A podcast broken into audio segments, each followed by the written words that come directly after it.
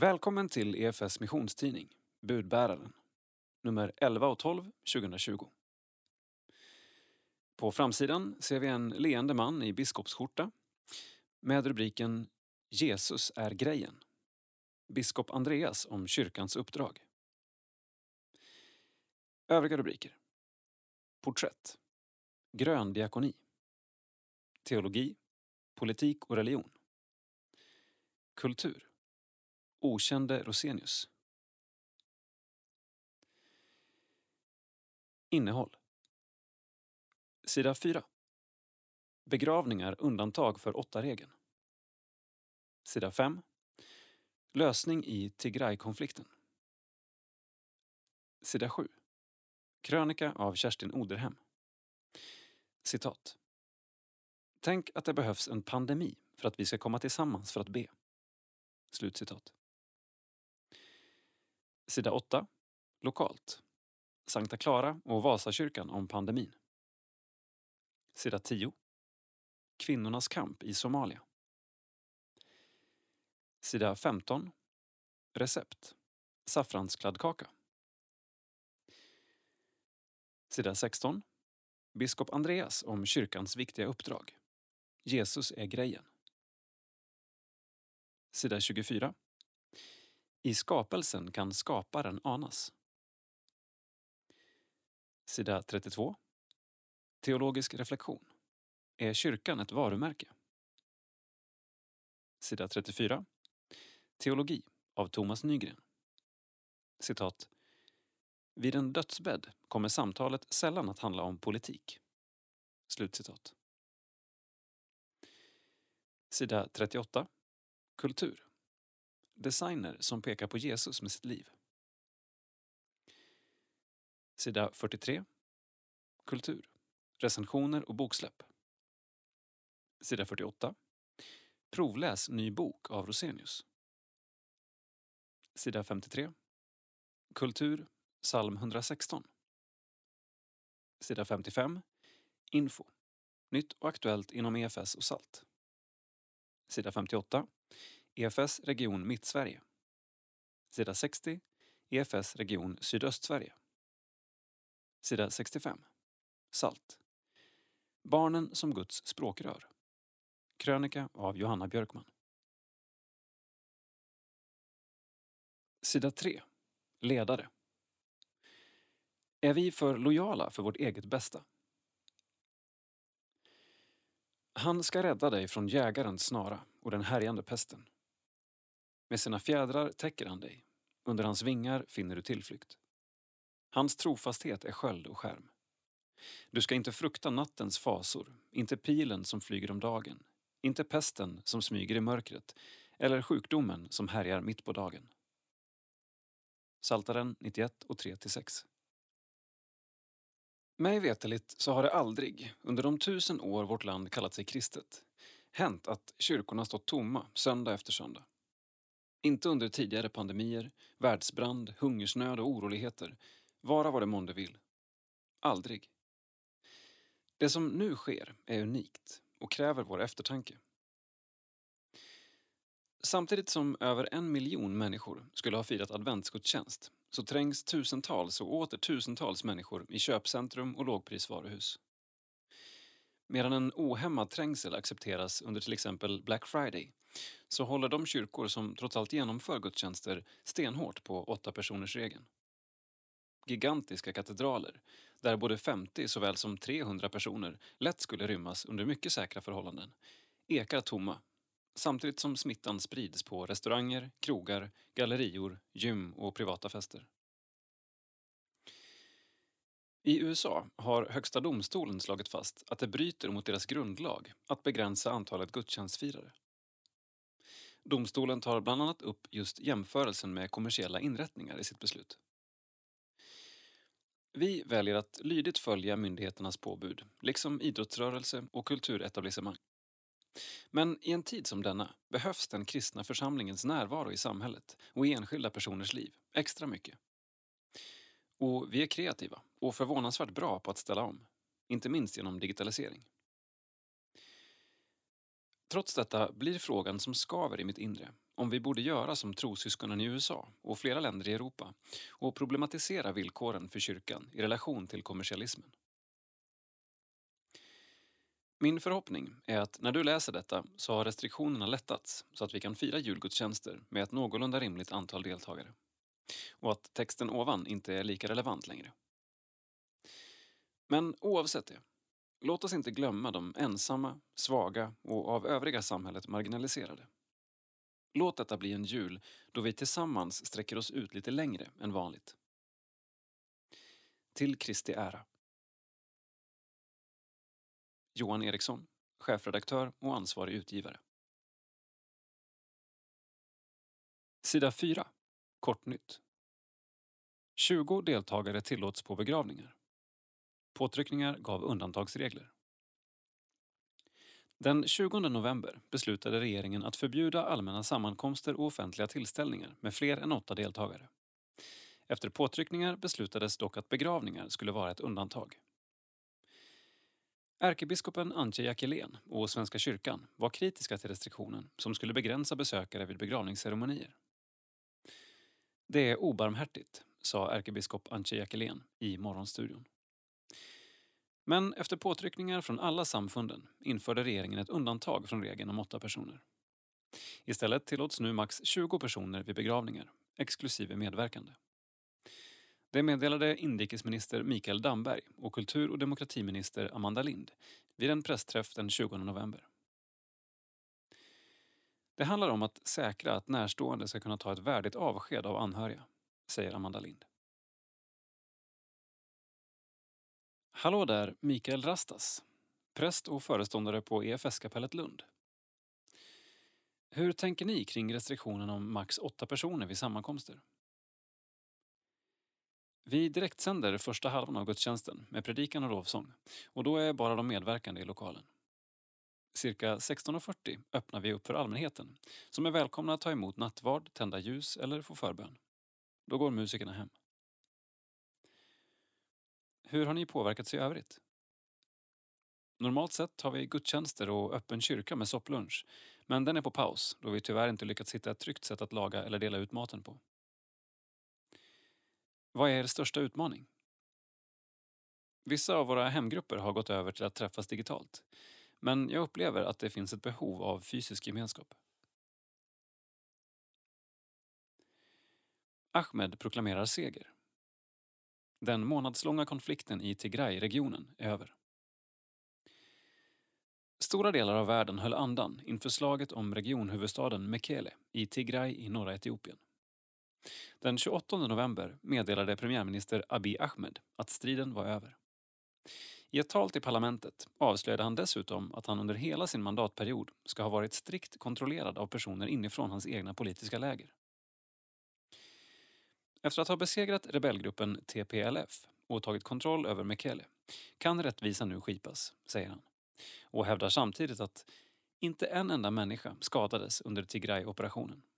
Vi använde oss av specialstyrkor och metoder. Vi ska nu hjälpas åt för att få hem flyktingarna. UNHCR befarar att en miljon människor kommer att vara i behov av hjälp, säger EFS missionssekreterare Erik Johansson. Vi har sedan flera år ett upparbetat samarbete med Mekane Jesuskyrkans biståndsorgan DASSC i Tigray. I nuläget är det oklart hur situationen och behoven ser ut, men vi är beredda på att påbörja något slags insamling. Vi har daglig kontakt med företrädare för Mekanesus för att komma igång med humanitära insatser så snart det blir möjligt för de som drabbats av kriget på olika sätt. Detta har hänt. 31 mars. Federala valkommissionen beslutar att skjuta upp det nationella valet på grund av pandemin. 9 september. TPLF ordnar val i Tigray, trots den federala valkommissionens beslut. 4 november. Premiärministern anklagar TPLF för att ha attackerat federala styrkor och stryper alla resurser till regionen. 15 november. TPLF bekräftar att den har utfört missilattacker mot grannlandet Eritrea och hotar med ännu fler attacker. Regeringen skickar militär till området och strider bryter ut. Fler än hundra människor befaras ha dött och tusentals människor flyr Tigray och söker sig till Sudan. 22 november. Centralregeringen och premiärministern ger TPLF ett ultimatum. Ge upp inom 72 timmar, eller så attackeras Mekele. 25 november.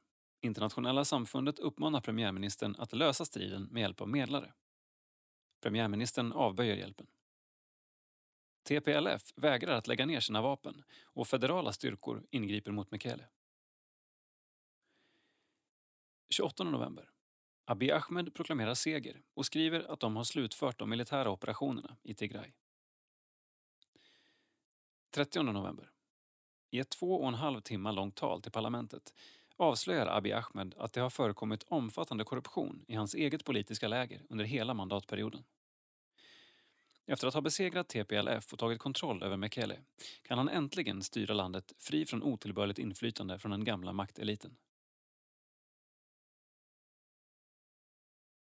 Sidan 7, krönika. En övning i tacksamhet. När vi summerar året är det inte bara dystert utan det finns ljuspunkter som lyser som stjärnor på himlen, skriver Kerstin Oderhem. I årets sista krönika vill jag lyfta några spridda ljusglimtar som en påminnelse om att ljuset lyser i mörkret. Jag är väl medveten om att det är flera av er som gjort stora förluster under året som gått men det finns också personer som liksom fått finna både Gud och sig själva. Jag mötte en av dem häromdagen när jag var i en matbutik och handlade. Jag är ensam i butiken vid tillfället och småpratar med expediten. Det är en sorts förtrolighet i samtalet som det kan bli i orostider. Så berättar hon plötsligt hur detta året konstigt nog har blivit ett bra år. Ett år att hinna ikapp sig själv och ett år med tid för reflektion. Men i samtalet kan jag ana att hon nästan tycker att det känns skamfullt att året blev så rikt när andra förlorade så mycket. Samtalet avslutas med att jag får uppmuntra henne till att vara tacksam för den tid hon fått att landa i sig själv. Jag tror att året för många fått bli en övning i tacksamhet. Min dotter har påmint mig om att varje dag tacka för minst en sak. Vi har pratat i telefon eftersom vi bor långt ifrån varandra och ofta har våra samtal kretsat kring det som är svårt just nu. Men då har vi behövt att liksom stanna upp och fundera över allt det vi faktiskt har. Och det har funnits många anledningar att tacka för mat på bordet, för varm säng, för sjukvårdspersonal som gör sitt yttersta för människors hälsa och för hoppet om evigheten. Så har tacksamheten för det vi fått lyst som en strålkastare i natten. Jag möter en annan person som berättar hur han för första gången i sitt liv verkligen fått öva sig i att lägga sitt liv i Guds händer och att han nu kan säga, inte bara som en teoretisk idé, utan verkligen mena att Gud bär genom allt. Han sa, jag har varit kristen hela mitt liv, men jag har inte förstått förrän nu. Jag går från vårt samtal och tänker på den gåvan han fått. Att veta sig vara buren, den gåvan är enorm. En av mina vänner som nu arbetar hemifrån berättar en annan berättelse om hur hon nyligen började delta i regelbundna bönemöten på webben. Hon går bara in i arbetsrummet och slår på datorn. Bönen börjar tidigt på morgonen och människor från hela landet sluter upp. Hon säger Tänk att det behövs en pandemi för att vi ska komma tillsammans för att be och att vi kan göra det så enkelt och digitalt. Jag tror att det är många människor som funnit bönen som kraftkälla under 2020. Vi har inte bara burit fram oss själva och våra närmaste till Gud utan också vår oro, vår värld och varandra. Därför har också 2020 blivit ett år då människor kommer till tro på Jesus. Så när året ska summeras är det inte bara det dystra som existerar utan det finns ljuspunkter som lyser som stjärnor på himlen. Många har funnit tid för reflektion, tillit till Gud, upptäckten av bönens kraft och tacksamhetens glädje. Med de erfarenheterna är vi bättre rustade för framtiden. Kerstin Oderhem, missionsföreståndare EFS. 8. Lokalt. En ovanligt vanlig jul. Sankta Clara kyrka berättar om hur de anordnar julfirandet detta annorlunda år. Text Lovisa Fundell. Bild Sankta Clara kyrka. I december brukar många kyrkor ha stora julfiranden för ensamma och behövande, men i år ställs mycket in. Vi brukar ofta ha ett stort firande med julbön mitt på dagen, en stor grötfest för behövande där en känd svensk artist deltar och till sist en julklappsutdelning, berättar Mats Nyholm, direktor i Sankta Clara kyrka och fortsätter. Vi har precis beslutat oss för att julbönen kommer att ske digitalt i år. Men vi hoppas fortfarande kunna dela ut mat på något sätt, kanske i mindre grupper. Sankta Clara kyrka ligger mitt i Stockholm och har ett stort diakonalt arbete året runt. Många hemlösa huserar här någon eller några nätter i veckan under vinterhalvåret när kyrkan öppnar upp under nattetid. Drömmen är ju att fler kyrkor ska öppna upp på nätterna. Det hade varit en långsiktig och hållbar lösning, säger Mats. Sankta Clara fortsätter att närvara med diakonal hjälp på Malmskillnadsgatan och Sergels torg under julen eftersom det inte klassas som offentliga sammankomster. Vi får ge själavård och ta emot bikt från många som sitter fast i tuffa omständigheter och svåra förutsättningar att klara vardagen, berättar Mats. Behoven är stora, men Mats tycker att stämningen bland volontärer, medlemmar, besökare och anställda är påtagligt hjärtlig. Många visar en större omsorg under den rådande situationen.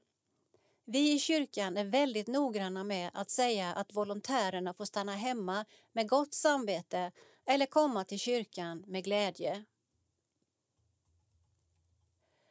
Ett år av utmaningar, men också glädje. Vasakyrkan i Umeå blickar tillbaka. När året nu går mot sitt slut kan PO Einemo, ordförande i Vasakyrkan Umeå, konstatera att detta år inte blev likt något annat. Det är kul att så många har hittat till kyrkan via webbsändningar men det blir ju trots allt inte samma sak att se på gudstjänsten hemma i soffan. Gudstjänsten är till för att firas tillsammans på plats. Det känner vi nog alla mer eller mindre. Ekonomiskt har sändningarna delvis kunnat ersätta det givande som normalt sett sker på plats. Vår förening ser ut att landa på ungefär ett nollresultat. Givandet har gått ner men tack vare kollekter via Swish i våra sändningar har vi kunnat hålla igång. Men jag skulle vilja passa på att uppmana alla EFS-are att börja ge via automatisk banköverföring det underlättar för verksamheten och Gud välsignar alltid den som ger. Bland stora utmaningar finns verkliga glädjeämnen på personalsidan då prästen Emelie Karlsson Lundmark och verksamhetsledaren Anna Duveskog kommit väl in i sina respektive tjänster. Det är tur att Gud är med och leder ibland och han har verkligen visat sin stora omsorg över oss i dessa rekryteringar, säger Einemo. Sidan 10. Globalt. Warsan ger kvinnor utrymme. EFS samarbetsorganisation Warsan jobbar bland annat med att stärka kvinnor på den somaliska landsbygden. Text Dagmawit Alemayeho, bild Erika Persson. I Hargeisa i norra Somalia strävar EFS samarbetspartner Warsan efter att öka kvinnors inflytande. Warsans motto är att förändra samhällen och främja positiv förändring. En av Warsans många hjärtefrågor är att kvinnan i familjen ska vara med och utveckla samhället. I flyktinglägret i Bali Matan träffar vi tiobarnsmamman Fosia Mose. Hon bjuder in oss till sitt hem, ett litet färgglatt tält med slitna presenningar och tygskynken som håller upp taket. Där bor hon tillsammans med sin man och sina barn. Dessutom stödjer hon för tillfället två kvinnor som inte har någonstans att bo. Byborna har röstat fram mig och några till kvinnor att föra fram bybornas önskemål. Jag besöker familjerna och frågar dem om deras behov, utmaningar och tar reda på hur vi kan hjälpa dem, säger Fosia och fortsätter. Min passion är att hjälpa människor. Jag har inte mycket materiella saker men jag kan bidra med min kompetens genom mitt ledarskap. Jag är en förvaltare av det Gud har gett mig. Fosias barn, ännu unga, springer fritt i den inhägnade gården. Ett av barnen är bara 40 dagar gammalt.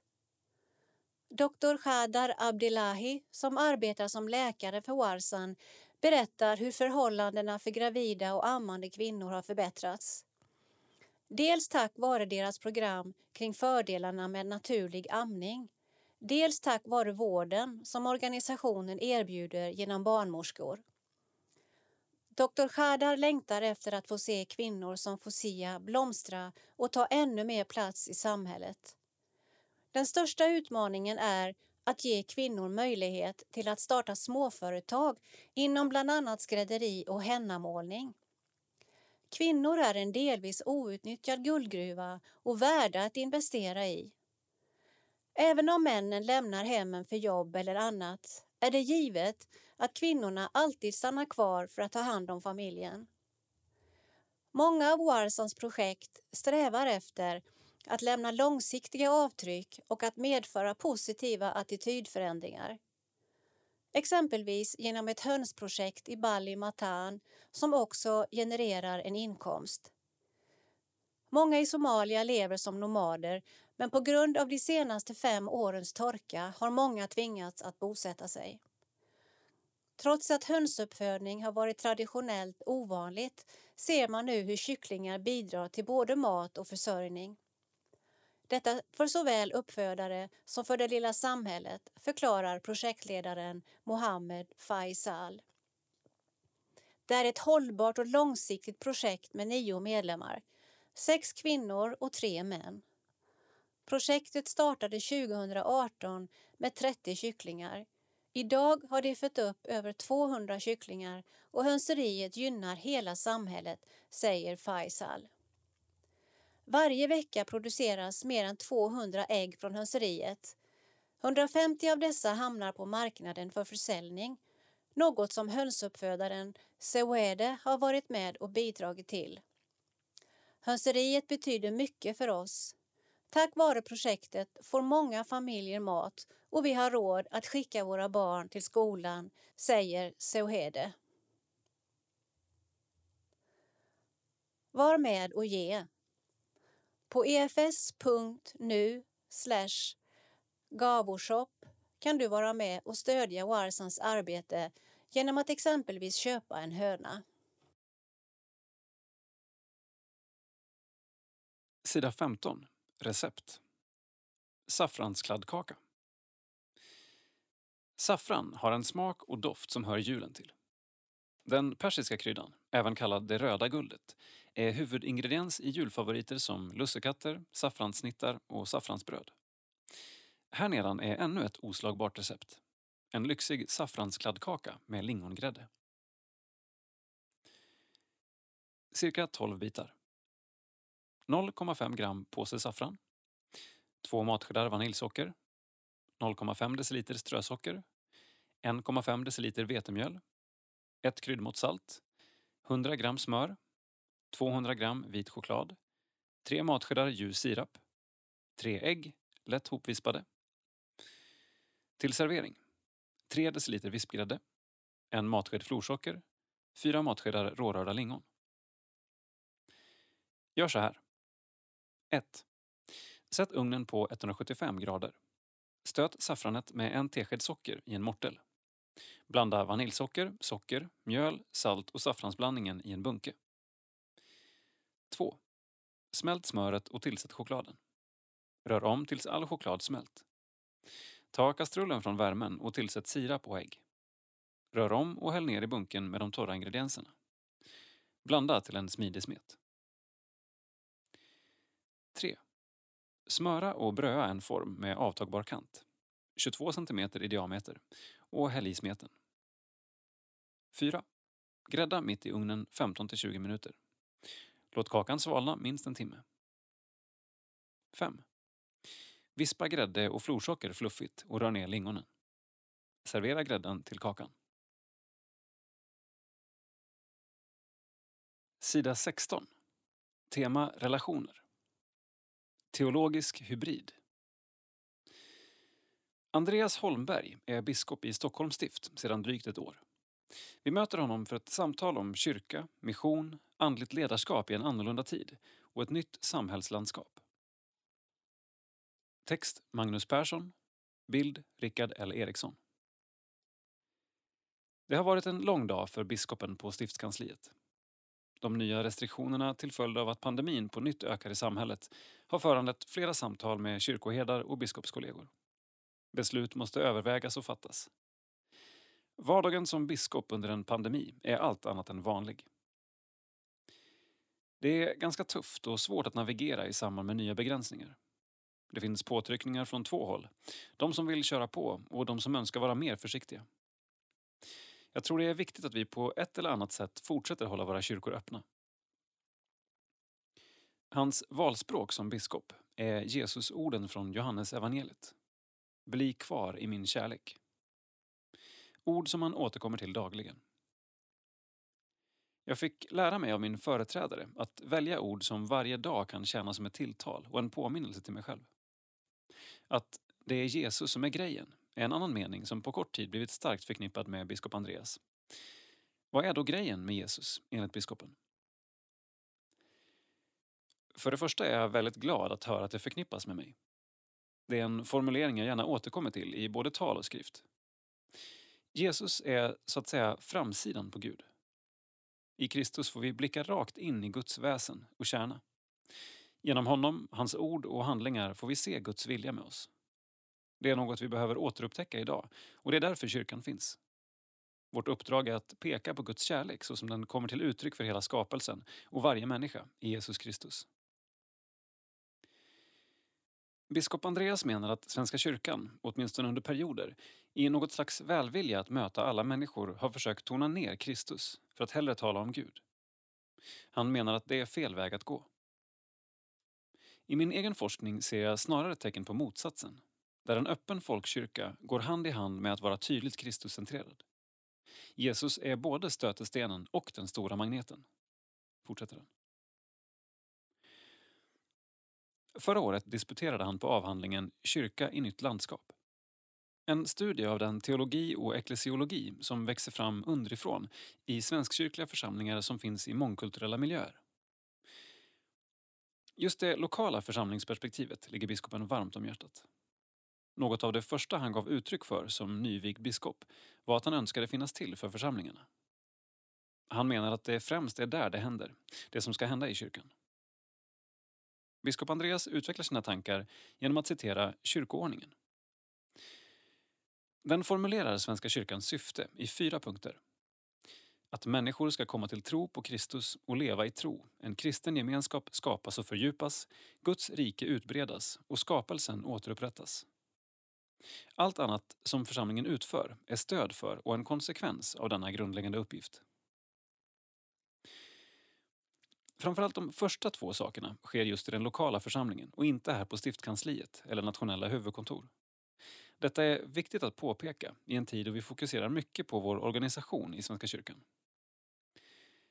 Idag är det därför angeläget att vi tänker, talar och skriver om hur vi kan bygga församlingsgemenskaper där detta sker.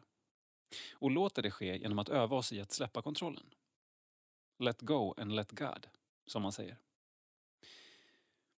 Vilka möjligheter har man då som biskop att påverka denna utveckling? Som biskop i Svenska kyrkan har man ganska liten formell makt. Det handlar företrädesvis om att inspirera. I kraft av förtroendekapital och relationer kan jag förhoppningsvis påverka församlingarnas fokus. Det är min ambition. Vi kommer in på tankar om ledarskap och i synnerhet innebörden i andligt ledarskap. Biskopen resonerar gärna kring dessa frågor och menar att det är alldeles avgörande. Kanske har vi något oreflekterat hämtat idéer, ideal och ideologier från managementvärlden som inte alltid harmonierar väl med kyrkans väsen och uppdrag. Allt kristet ledarskap bottnar i att själv låta sig ledas av Kristus. Det är ett tjänande ledarskap som krockar med de flesta gängse ledarskapsmodeller. En kristen ledare pekar först och främst på Kristus och inte på sig själv. Sedan pekar man på världen eftersom kyrkan alltid har en sändning. Bortser man från detta sviker man sitt uppdrag som andlig ledare. Han fortsätter att tala om det självklara, men som ofta har en tendens att försummas. Att leva i bönen och ordet. Han poängterar vikten av att som kristen ledare regelbundet själv möta sin andliga vägledare och gå i själavård. Samt att våga vara sårbar och inte spela hjälte. Jag tror inte på någon one-man show eller management by mail, utan på det relationella ledarskapet. Det finns i vår tid absolut ett behov av ett visionsdrivet ledarskap, men som påverkar genom närhet och inte bara genom de stora proklamationerna. Andreas utvecklar sin syn på biskopens roll.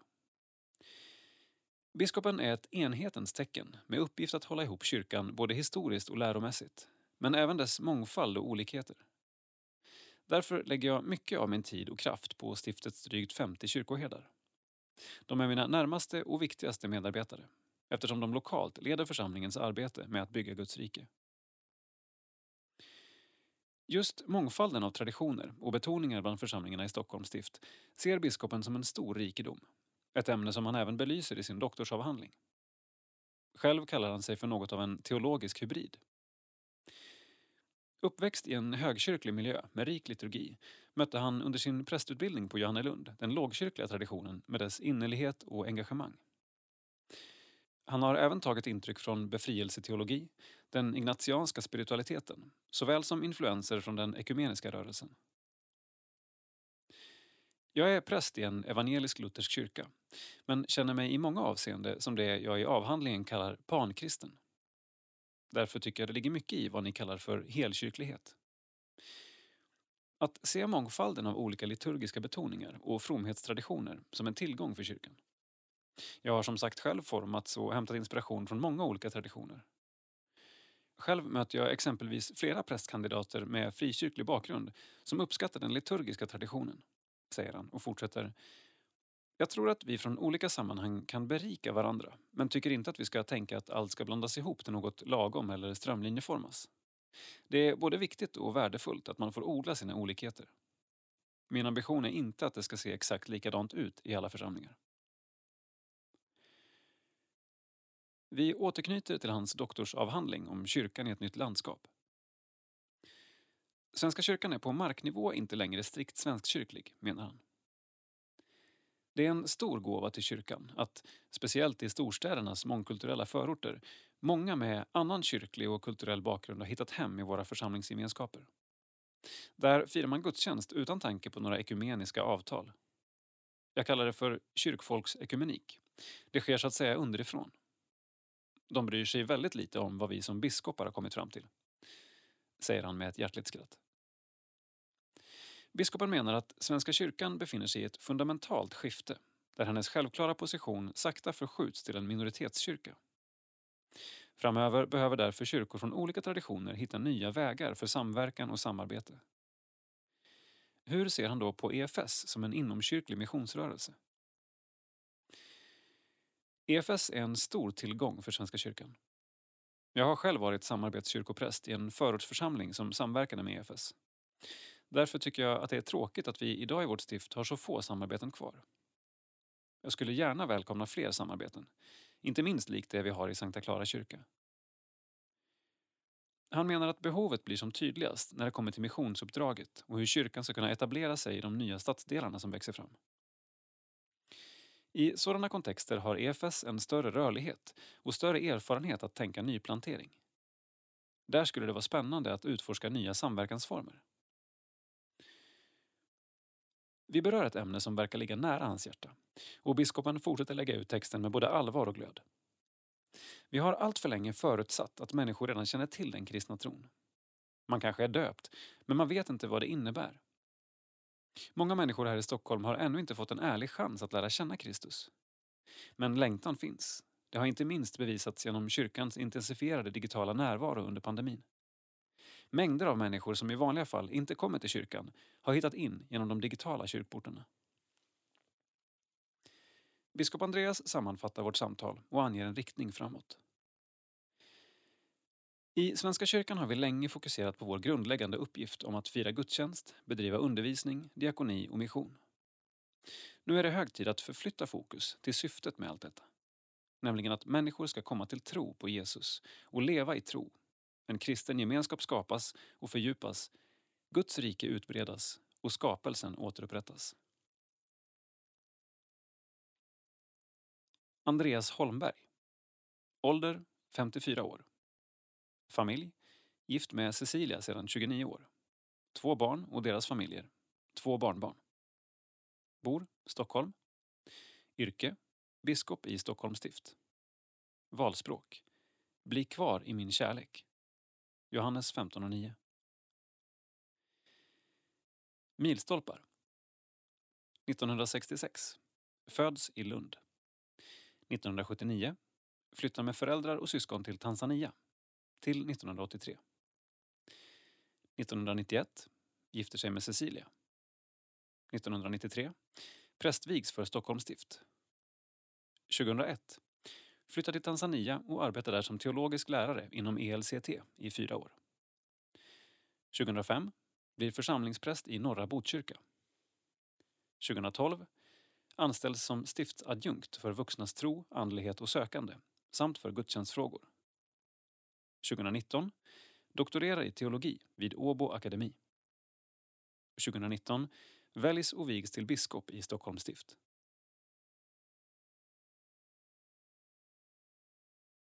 Sidan 24. Porträtt. I naturen kan tro få näring och växa sig större. Kristen tro hör ihop med naturen och skapelsen. I det gröna kan människan möta Gud och må bra. Där blir Gud större och människan mindre. Det är Gabriella Åberg övertygad om. Text Anna-Lotta Hirvonen Nyström. Bild Erika Persson. Många är vi som njuter av en promenad vid havet, en vandring i skogen eller på fjället och som upplever att stress och trötthet minskar efter en stunds arbete i trädgården. Att människan mår bra av att vara i naturen och ta del av den med alla sina sinnen, det har forskningen visat gång på gång. Det hänger tydligt ihop. Gud, skaparen, möter oss i naturen och i det som lever, i det skapade. Där kan vi väldigt tydligt ana Gud, säger Gabriella Åberg. Hon är sjuksköterska med flera decenniers erfarenhet av vård i livets slutskede. Hon är också utbildad i miljöpsykologi vilket betyder att hon har kunskap om på vilket sätt den miljö vi har omkring oss påverkar hur vi mår. Dessutom undervisar hon på Helsjöns folkhögskola i en kurs som handlar om odlarglädje och skapelsekärlek. När hon själv drabbades av cancer och gick igenom den tuffa behandlingen mot sjukdomen blev det tydligt för henne hur mycket naturen runt omkring betydde. Inte bara för att hon faktiskt mådde bättre under sina rundor i skogen utan också för sin tro och relation till Gud. För mig blev det jättetydligt när jag var sjuk. Jag kunde inte finna någon ro i kyrkan. Istället hade jag mina gudsmöten i skogen, säger hon. Jag tror att oavsett trostillhörighet så finns det ett tilltal i naturen, i det skapade, där vi kan ana något djupt existentiellt. I naturen kan vi uppleva något större än oss själva som kan vara till hjälp för oss i svåra situationer. Och vad gäller odlandet och skapelsen så hänger det ihop på ett helt naturligt sätt. Vi är ju satta att värna och vårda skapelsen och det vi behöver för att leva får vi från naturen. Tillsammans med Karin Hugert som är kursansvarig och pastorn och trädgårdsmästaren Peder Wendefors driver hon folkhögskolekursen som kombinerar odling, teologi och miljöpsykologi. Deltagarna är i alla åldrar och med alla slags bakgrunder, från pensionärer till musikalartister, diakoner och läkare. Vi hade längtat efter denna sorts utbildning alla tre, där kopplingen mellan odling och Bibeln fanns med, berättar Karin Hugert. Tanken är att eleverna ska få med sig konkreta tips och gedigen kunskap och samtidigt fördjupa sin förståelse för kristen tro. Det kan handla om att lära sig att odla ekologiska grönsaker och blommor, att förstå på vilket sätt omgivningen och människan samspelar med varandra och vilken betydelse det har för oss hur vår närmiljö är utformad. Det kan också handla om att lära sig mer om skapelseteologi och vad Bibeln har att säga om människans ansvar för natur, klimat och miljö. Att koppla samman tro och kristendom med natur och miljö är inte särskilt långsökt. Jesus hänvisar ofta till jorden och skapelsen och Bibeln inleds med skapelseberättelserna där människan tydligt uppmanas att ta hand om hela skapelsen. I den tid vi lever i har vi alla fått vänja oss vid att höra och läsa om klimathot, miljöförstöring och naturkatastrofer i nyheterna. Om vi nu tror på en Gud som skapat både människorna och jorden och som dessutom gett människan i uppdrag att förvalta det skapade så borde det därmed innebära att vi som kristna tydligt kan se bandet mellan skapelsen, Gud och oss själva, säger Peder Wendefors. I skapelsen kan skaparen anas, säger han och hänvisar till det som Paulus skrev i Romarbrevets första kapitel om att Guds osynliga egenskaper och gudomlighet kan uppfattas i hans verk. Gud syns i sin skapelse. Wendefors påminner också om att ingen enda människa kan ställa sig utanför skapelsen. Vi är ju alla beroende av den och existerar inte utanför den. Så varför skulle skapelsen finnas utanför allt det som har med vår kristna tro att göra? Vidare menar han att det kristna budskapet och tron på att Gud har en tanke med sin skapelse kan ge hopp när vetenskapens förutsägelser om kommande klimatkatastrofer duggar tätt. Med ett sådant synsätt är läget inte alls hopplöst. Vårt perspektiv som kristna är ju inte att jorden ska gå under utan att den ska förvandlas och göras ny.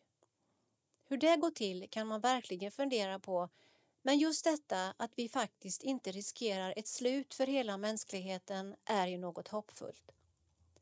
Och vi kan faktiskt bidra till att göra gott, säger Peder Wendefors. Om Gud alltså gett människan en skapelse att vårda och värna om och om Gud är god och ger oss goda gåvor betyder inte det att vi människor också ska åta oss uppdraget att förvalta skapelsen på allra bästa möjliga sätt? Det är en fråga som Peder Wendefors ställt sig ofta. För honom blir konsekvensen av en sådan tro att han inte vill se skapelsen förstöras eller med sitt handlande förstöra för andra. Tar vi ansvar genom att låta saker gå åt pipan? För mig handlar det om min gudsbild. Vi kan inte tänka att det vi gör inte spelar så stor roll, för det har stor betydelse för hela den värld vi lever i. Gabriella Åberg instämmer. Om Jesus kommer imorgon så vill jag ändå plantera mitt äppelträd idag, säger hon. Karin Hugert vänder sig mot tankesättet att allt ändå är kört med tanke på jordens tillstånd och att det därmed inte spelar någon roll hur vi agerar. Så resonerar vi ju inte om någonting annat. Vi sätter oss inte i bilen och kör utan säkerhetsbälte. Vi kör inte samtidigt som vi blundar eller struntar i att hålla i ratten. Gud arbetar ju genom oss och vi har fått både förnuft och ett ansvar att göra något. Så det är väl klart att vi inte ska bespruta så att de små insekterna dör, säger hon. Det finns alltså både en mening med och stor glädje i att njuta av och ta hand om den planet som vi alla lever på och att göra det så gott vi bara kan, menar alla tre. Om inte annat så för att vi mår så väldigt bra av att vistas i skapelsen, i naturen. Förr låg ju alla sanatorier naturskönt. De fanns kustnära eller nära skogen och i stora parker. Man förstod att frisk luft och en god miljö var läkande. Det tappade vi när vi byggde våra nya moderna sjukhus. Det är något självklart som vi har missat idag. Jag tror att många människor känner av den där bristen, säger Gabriella Åberg. Allt det här betyder givetvis inte att alla kristna måste älska att stoppa fingrarna i jorden och bli experter på odling. Tvärtom, betonar det, handlar det snarare om att möta Gud i det skapade och därmed också möta sig själv. Kanske kan mötet med naturen dessutom ge lite välbehövlig distans till den ångest som kan komma av allt tal om klimatkriser och miljöförstöring. För Gunilla Bergström gav kursen på Helsjön nytt hopp med tanke på barnbarnen och deras framtida liv. Vi odlar tillsammans. Jag lär dem att odla grönsaker och på så sätt kan det något bra om det skulle bli kris och matbrist. Jag fick själv lära mig väldigt mycket från min farmor som jag nu ger vidare till dem, berättar hon. För någon annan är det kanske inte själva odlingskunskaperna som ger mest utan istället den tid som kursdeltagarna får spendera i den omgivande skogen. Sara Axelsson berättar om när de fick lägga sig och vila i hängmattor som spänts upp mellan skogens träd och hur några slumrade till där. Eller när vi la oss rakt ner på marken under en gran och tittade uppåt i trädet, säger hon med ett leende. Kurskamraten Lasse Gustafsson fick å sin sida ny inspiration för att pilgrimsvandra och bara vistas i skogen. Man borde säga att man går hem i naturen istället för att prata om att gå ut i naturen. Det är lättare att vara naturlig i en naturlig miljö. I naturen kan vi släppa våra roller som vi annars går runt med, konstaterar han. Kyrkan har genom tiderna varit bra på förkunnelsen men har ibland kanske brustit i handling, funderar Gabriella Åberg och betonar att båda perspektiven behövs. Kanske borde kyrkan oftare flytta utomhus och möta sökande och behövande människor just där, i naturen. Vi är som kyrka väldigt duktiga med orden och det som sägs men kanske ska vi också försöka möta människor på andra sätt, till exempel genom odling som är något universellt som alla känner igen. Det samtal som du kan få vid en eld utomhus får du aldrig i ett klassrum, säger Gabriella. Ibland har hon fått frågan om all denna vurm för naturen inte tenderar att bli lite väl flummig. Borde människor inte kunna hitta det som de söker innanför kyrkans väggar, kan en del undra. Men att människor söker sig till naturen är såklart inget nytt. I alla tider har vi sökt oss till det lugn som naturen kan erbjuda. För mig är det inget konstigt alls att Gud möter oss där. Det är så självklart. Nätverket för grön diakoni Utifrån Helsjöns folkhögskola har ett nationellt och ekumeniskt nätverk bildats. Det samlar människor som i sina arbeten eller på fritiden är intresserade av att använda naturen och utemiljön i olika kristna verksamheter. Tanken är att inom nätverket utbyta erfarenheter och träffas för föreläsningar med mera. Läs mer Gabriella och Peder tipsar om böcker i ämnet. Lugn av naturen av Åsa och Mats Ottosson. Närmare naturen av Åsa och Mats Ottosson. Pilgrimsträdgården flyttar in av Gabriella Mellergård. Klosterträdgårdar av Lena Israelsson. Förundran, tankar om vår stund på jorden av Stefan Edman. Värna den jord som Gud älskar av Sveriges kristna råd. Sida 32. Teologisk reflektion. Är kyrkan ett varumärke? Den som söker omgivningens bekräftelse riskerar att tappa den inre orienteringen och därmed att gå vilse. Enbart den som är trygg i Gud kan röra sig fritt i världen skriver Kristoffer Abrahamsson. Text Kristoffer Abrahamsson, illustration Benjamin Kruse. Längtan efter att omgivningen ska ha en positiv bild av kyrkan kan vara ett uttryck för att fördomar inte ska hindra människors möjlighet att möta Jesus. Men allt för ofta döljer snarare sig en annan djupare längtan. Att omgivningen ska bekräfta en kyrka som plågas av sviktande självkänsla och bristande självförtroende. Till en början kan det tyckas oskyldigt, men för varje steg som tas i jakten på omgivningens bekräftande sker någonting med kyrkan. I vår tid märks det kanske främst genom att vi börjar tala om och agera som om kyrkan var ett varumärke. Ledorden tas inte längre från kyrkans tradition, utan snarare från företagsvärlden. Det som söks är synlighet, effektivitet och mätbarhet. Ord som bland annat Jonna Bornemark berör i De omätbaras renässans och Magnus Malm tar upp i sin undervisning. Se exempelvis Fri att tjäna del 1, del 2 och Samtidigt. Synlighet. Att människor lägger märke till oss. Vi vill göra oss ett känt namn och bli uppskattade i de rätta sammanhangen. Vare sig det är inför givmilda företagsledare i församlingen, i maktens korridorer eller den senaste SIFO-undersökningen. Effektivitet. Människor blir medel för ett annat uttalat mål. Kyrkans synliga framgång. Människorna innanför kyrkans väggar blir redskap som kan slitas ut. De som är utanför blir objekt att nå. Det som söks är effektiva metoder för att nå det uppsatta målet och reflektioner kring vad en sådan ingång gör med kyrkan, skapelsen eller människorna runt omkring lämnas därhän. Mätbarhet. Yttre markörer blir viktiga för det uppsatta och uttalade målet. Fler dop, fler gudstjänster, fler människor i kyrkans verksamhet. Vad människorna får med sig blir sekundärt. Vad som sker med kyrkan irrelevant. Antalet är det främsta.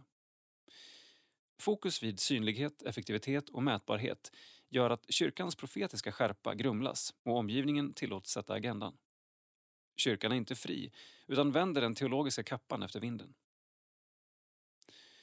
När modeller och språkbruk tas från företagsvärlden borde vi inte bli förvånade när folk börjar bete sig som kunder. Frågan som ställs i församlingen är inte längre “Vad vill Gud?” utan snarare “Vad får jag ut av detta?” Fokus är på det egna jaget. I Bibeln möter vi en radikalt annorlunda bild av kyrkans kännetecken. De ledord som söks där är snarare ett fördolt liv, trofasthet och kärlek. Jesus säger Nej, när du ber, gå då in i din kammare, stäng dörren och be sedan till din fader som är i det fördolda. Då ska din fader som ser i det fördolda belöna dig. Matteus 6 och 6. Den som stänger dörren till omgivningen kan stänga ute jakten på synlighet och istället möta Fadern i det fördolda. Och den som mött Faderns kärlek i det avskilda kan sedan röra sig fritt i världen. Som Magnus Malm påtalat, förmågan att tala sanning hör samman med varifrån vi söker vår bekräftelse. Den som söker bekräftelsen i omgivningen kommer förlora förmågan att tala det Fadern talat i det fördolda.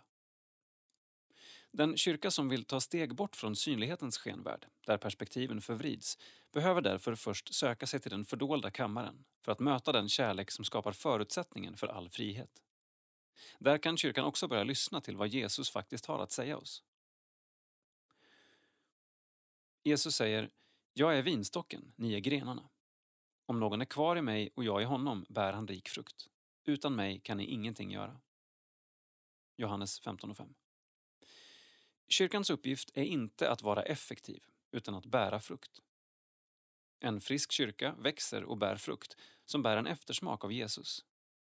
Det sker inte utifrån egna prestationer, utan utifrån att hon förblir i Jesus. Jesus säger, ett nytt bud ger jag er, att ni ska älska varandra. Så som jag har älskat er ska också ni älska varandra.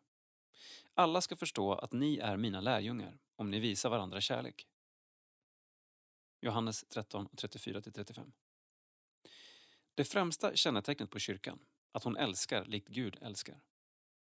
Som Johannes lär oss, vi älskar därför att han först älskade oss. 1 Johannes 4 och 19. Jesus säger mycket mer och genom hans ord kan vi sluta se varandra som konkurrenter på den religiösa marknaden och istället börja se oss som varandras syskon med ett gemensamt uppdrag. Att vara Kristi kropp i världen. Våra läppar stavar då på en ny bön. Vi ber inte längre att Gud ska välsigna det vi gör, utan vi förenas med det Gud redan välsignar. Vår andliga självupptagenhet, där vi putsar på vårt varumärke, bryts. Vår blick riktas istället mot Gud och därmed också vår nästa och allt annat skapat. Vi strävar inte längre efter att försöka bygga upp egna imperier som vi kan skryta över. Vi förenas med Guds rike. Kyrkan är då inte längre ett varumärke att skydda, utan ett tecken på vem Gud är. Självutgivande kärlek. Sida 34. Teologi. När politiken blir religion. Det kristna budskapet är inte en ideologi eller ett system som ska tvingas på andra. Det är ett budskap om nåd, förlåtelse och upprättelse att dela, skriver Thomas Nygren. Text Thomas Nygren, illustration Benjamin Kruse. Under medeltiden rasade en maktkamp, investiturstriden, mellan påvestolen och kejsartronen. Vem skulle ha makt över vem? Hade påven exempelvis politisk makt att avsätta kejsaren? Eller hade kejsaren och furstar makt att utse biskopar för att den vägen kunna använda kyrkan politiskt? Vid tiden för reformationen fanns frågan fortfarande närvarande. Sammanblandningen mellan den andliga och den politiska makten ställde till problem på båda sidor, både i kyrkan och i samhället. Luthers tankar på att Gud styrde världen på två sätt, genom den världsliga makten som hade sitt område och den andliga makten som hade sitt. Den så kallade tvåregementsläran, där regemente betyder styrelsesätt, kan ses som ett sätt att söka skapa reda i dessa utmaningar. Samhällsmakten skulle råda över det yttre och skapa ordning, för att till exempel rätt skulle kunna skipas. Det andliga området, där kyrkan var en huvudaktör, hade som huvuduppgift att se till människors andliga väl. Kyrkan skulle först och främst predika evangeliet, men också påminna samhällsmakten om hur ett rättfärdigt ledarskap såg ut och kunde ha ett slags visselblåsarfunktion. Inom det andliga området behövde frihet råda. Här handlade det om att vinna hjärtan och det gjordes inte genom vapenmakt. Varje kristen var insatt i båda dessa regementen. Hon var både en del av det världsliga regementet som samhällsmedborgare och en del av det andliga regementet som troende. Det var även viktigt att staten inte bestämde över kyrkan och att kyrkan inte försökte styra staten. Det var två områden som hörde ihop, men som inte skulle sammanblandas. Det som erbjöd människan hennes djupaste identitet var det som hon fick del av genom det andliga regementet. Budskapet om att hon i Jesus Kristus var Guds älskade barn. Från detta ska vi ta steget till amerikansk religion och politik idag. Närmare bestämt till splittringen mellan demokrater och republikaner. Forskare säger att den antagligen aldrig varit större sedan det amerikanska inbördeskriget 1861 till 1865. Hur polariseringen ökat kan illustreras av en undersökning som gjordes 1950 respektive 2010. När amerikanska föräldrar 1950 fick frågan om hur de skulle reagera om deras barn gifte sig med någon från det andra politiska partiet svarade 10% att det skulle vara ett problem för dem. När samma fråga ställdes 2010 svarade 40% att det skulle vara ett problem. Teologen och författaren David Zahl, som i boken Seculosity How Career, Parenting, Technology, Food, Politics and Romance Became Our New Religion and What to Do About It refererar undersökningen. Vågar inte ens gissa hur hög den siffran är idag. Det finns i dagens USA en politisk segregering. Man flyttar inte gärna till ett område där man vet att många bor som har fel politisk åskådning. I många släkter och familjer har man valt att inte alls tala om politik när man möts, för att kunna träffas överhuvudtaget. David Zahl menar i sin analys att det som hänt är att politiken i praktiken tagit över mycket av religionens roll i människors liv. I takt med att sekulariseringen tryckt undan genuin kristen gudstro tar sig människors religiositet uttryck genom alla möjliga andra livsområden istället. Detta gäller inte minst politiken, som för många ersatt religionen som den viktigaste identitetsfaktorn. I USA hade politiken tidigare en mer begränsad roll, som hade med ledning av samhället och administration av tillgångar att göra. Men nu har den blivit något som man även ska möta människors behov av tillhörighet, rättfärdighet, mening och befrielse. Politiken förväntas med andra ord svara på människors existentiella behov. Den outtalade förväntan är att allt ska gå att lösa politiskt. Politik och ideologi har blivit linsen genom vilket allting ses och förstås. Vilket får till följd att det mesta blivit politiserat på ett sätt det tidigare inte varit. Det har till exempel gjort att maktanalyser, som ligger så inbäddade i all politik, förväntas ge alla avgörande svar. Om vi låter tvåregementsläran kasta sitt ljus över detta kan man säga att vi åter har en sammanblandning av det världsliga och det andliga regementet, om än på ett nytt sätt. I vår västerländska kultur är hotet just nu att det andliga i det offentliga rummet uppslukas av det politiska. En följd för en enskild människa blir att den viktigaste identiteten inte uppfattas ha med hennes gudsrelation och tro att göra, utan att hon tillhör en viss grupp och ger uttryck för rätt åsikter. Det som alltid händer i denna typ av sammanblandningar där det andliga och världsliga regementet går in i varandra är att evangelium i praktiken går förlorat. När politiken får funktionen av religion blir det en religion med frågan om makt som den centrala. En följd av detta är att det uppfattas som farligt, kanske till och med livsfarligt, om fel sida vinner ett val. Vi har, för att återgå till David Zahl, ett stamsamhälle där vår grupp stärks av olika typer av politiska och ideologiska påståenden som inte bara uttrycker gemensamma grunder utan också definierar gemensamma fiender. Och i inget redskap kan detta uttryckas så effektivt som i sociala medier. För som någon sagt, det enda som känns bättre än att ha rätt är att känna sig indignerad. Det vill säga upprörd över att någon annan har fel. Och så pucklar vi på meningsmotståndare. Det kan till och med bli så att man i demokratins namn försöker tvinga andra att handla och tänka som man själv gör när de står i vägen för ens egen vision om hur ett gott samhälle ska se ut. Tvåregementsläran tillämpad på detta påminner oss om att politiken är viktig och bra inom sitt område, i det världsliga regementet, men att det området har sina begränsningar. Politik är ett bra sätt att hantera människors villkor i samhället, men den kommer till korta när det handlar om att ge svar på människors livsfrågor. Den kommer till korta som innersta drivkraft och livsmening.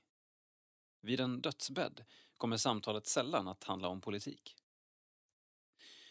Tvåregementsläran påminner om att det också finns ett annat livsområde som har med vår djupaste hängivenhet och drivkraft att göra. Innersidan i våra liv. Evangelium handlar om att Gud själv i Jesus Kristus stiger ner i vår värld, ger upp sin makt genom att födas som en liten värnlös baby och sedan genom att dö på ett kors för sina fiender, för oss alla. Det kristna budskapet är inte en ideologi eller ett system som ska tvingas på andra. Det är ett budskap om nåd, förlåtelse och upprättelse att dela. Med evangelium som drivkraft kan vi vara hängivna utan att det föder farlig och oförsonlig fanatism. Just därför finns det behov av många kristna som är beredda att gå in i politiskt ansvar. Som både ser politikens möjligheter och begränsningar därför att de har sin djupaste identitet förankrade i livet självt, Jesus Kristus. Och vet att maktanalyser inte är de enda som behöver göras. Sida 38 Porträtt, kultur. Designer, konstnär och illustratör. Men framförallt förälskad i Jesus. Sara Woodrow är en framgångsrik kreatör. Men det hon värdesätter mest är frälsningen. Något som uppenbarades för henne i ett livsförvandlande möte med den helige Ande i Israel. Uppmärksammad designer. Text Dagmar Witt Alamajehu. Bild Johan Eriksson. Vi svänger av vid Uppsalavägen och hamnar i vindstilla Vallby i Uppsala och ett robust trähus i Lilla huset på prärien-stil. Här bor Sara och Dan Woodrow tillsammans med sina fyra barn i vad de kallar för ett mirakelhus.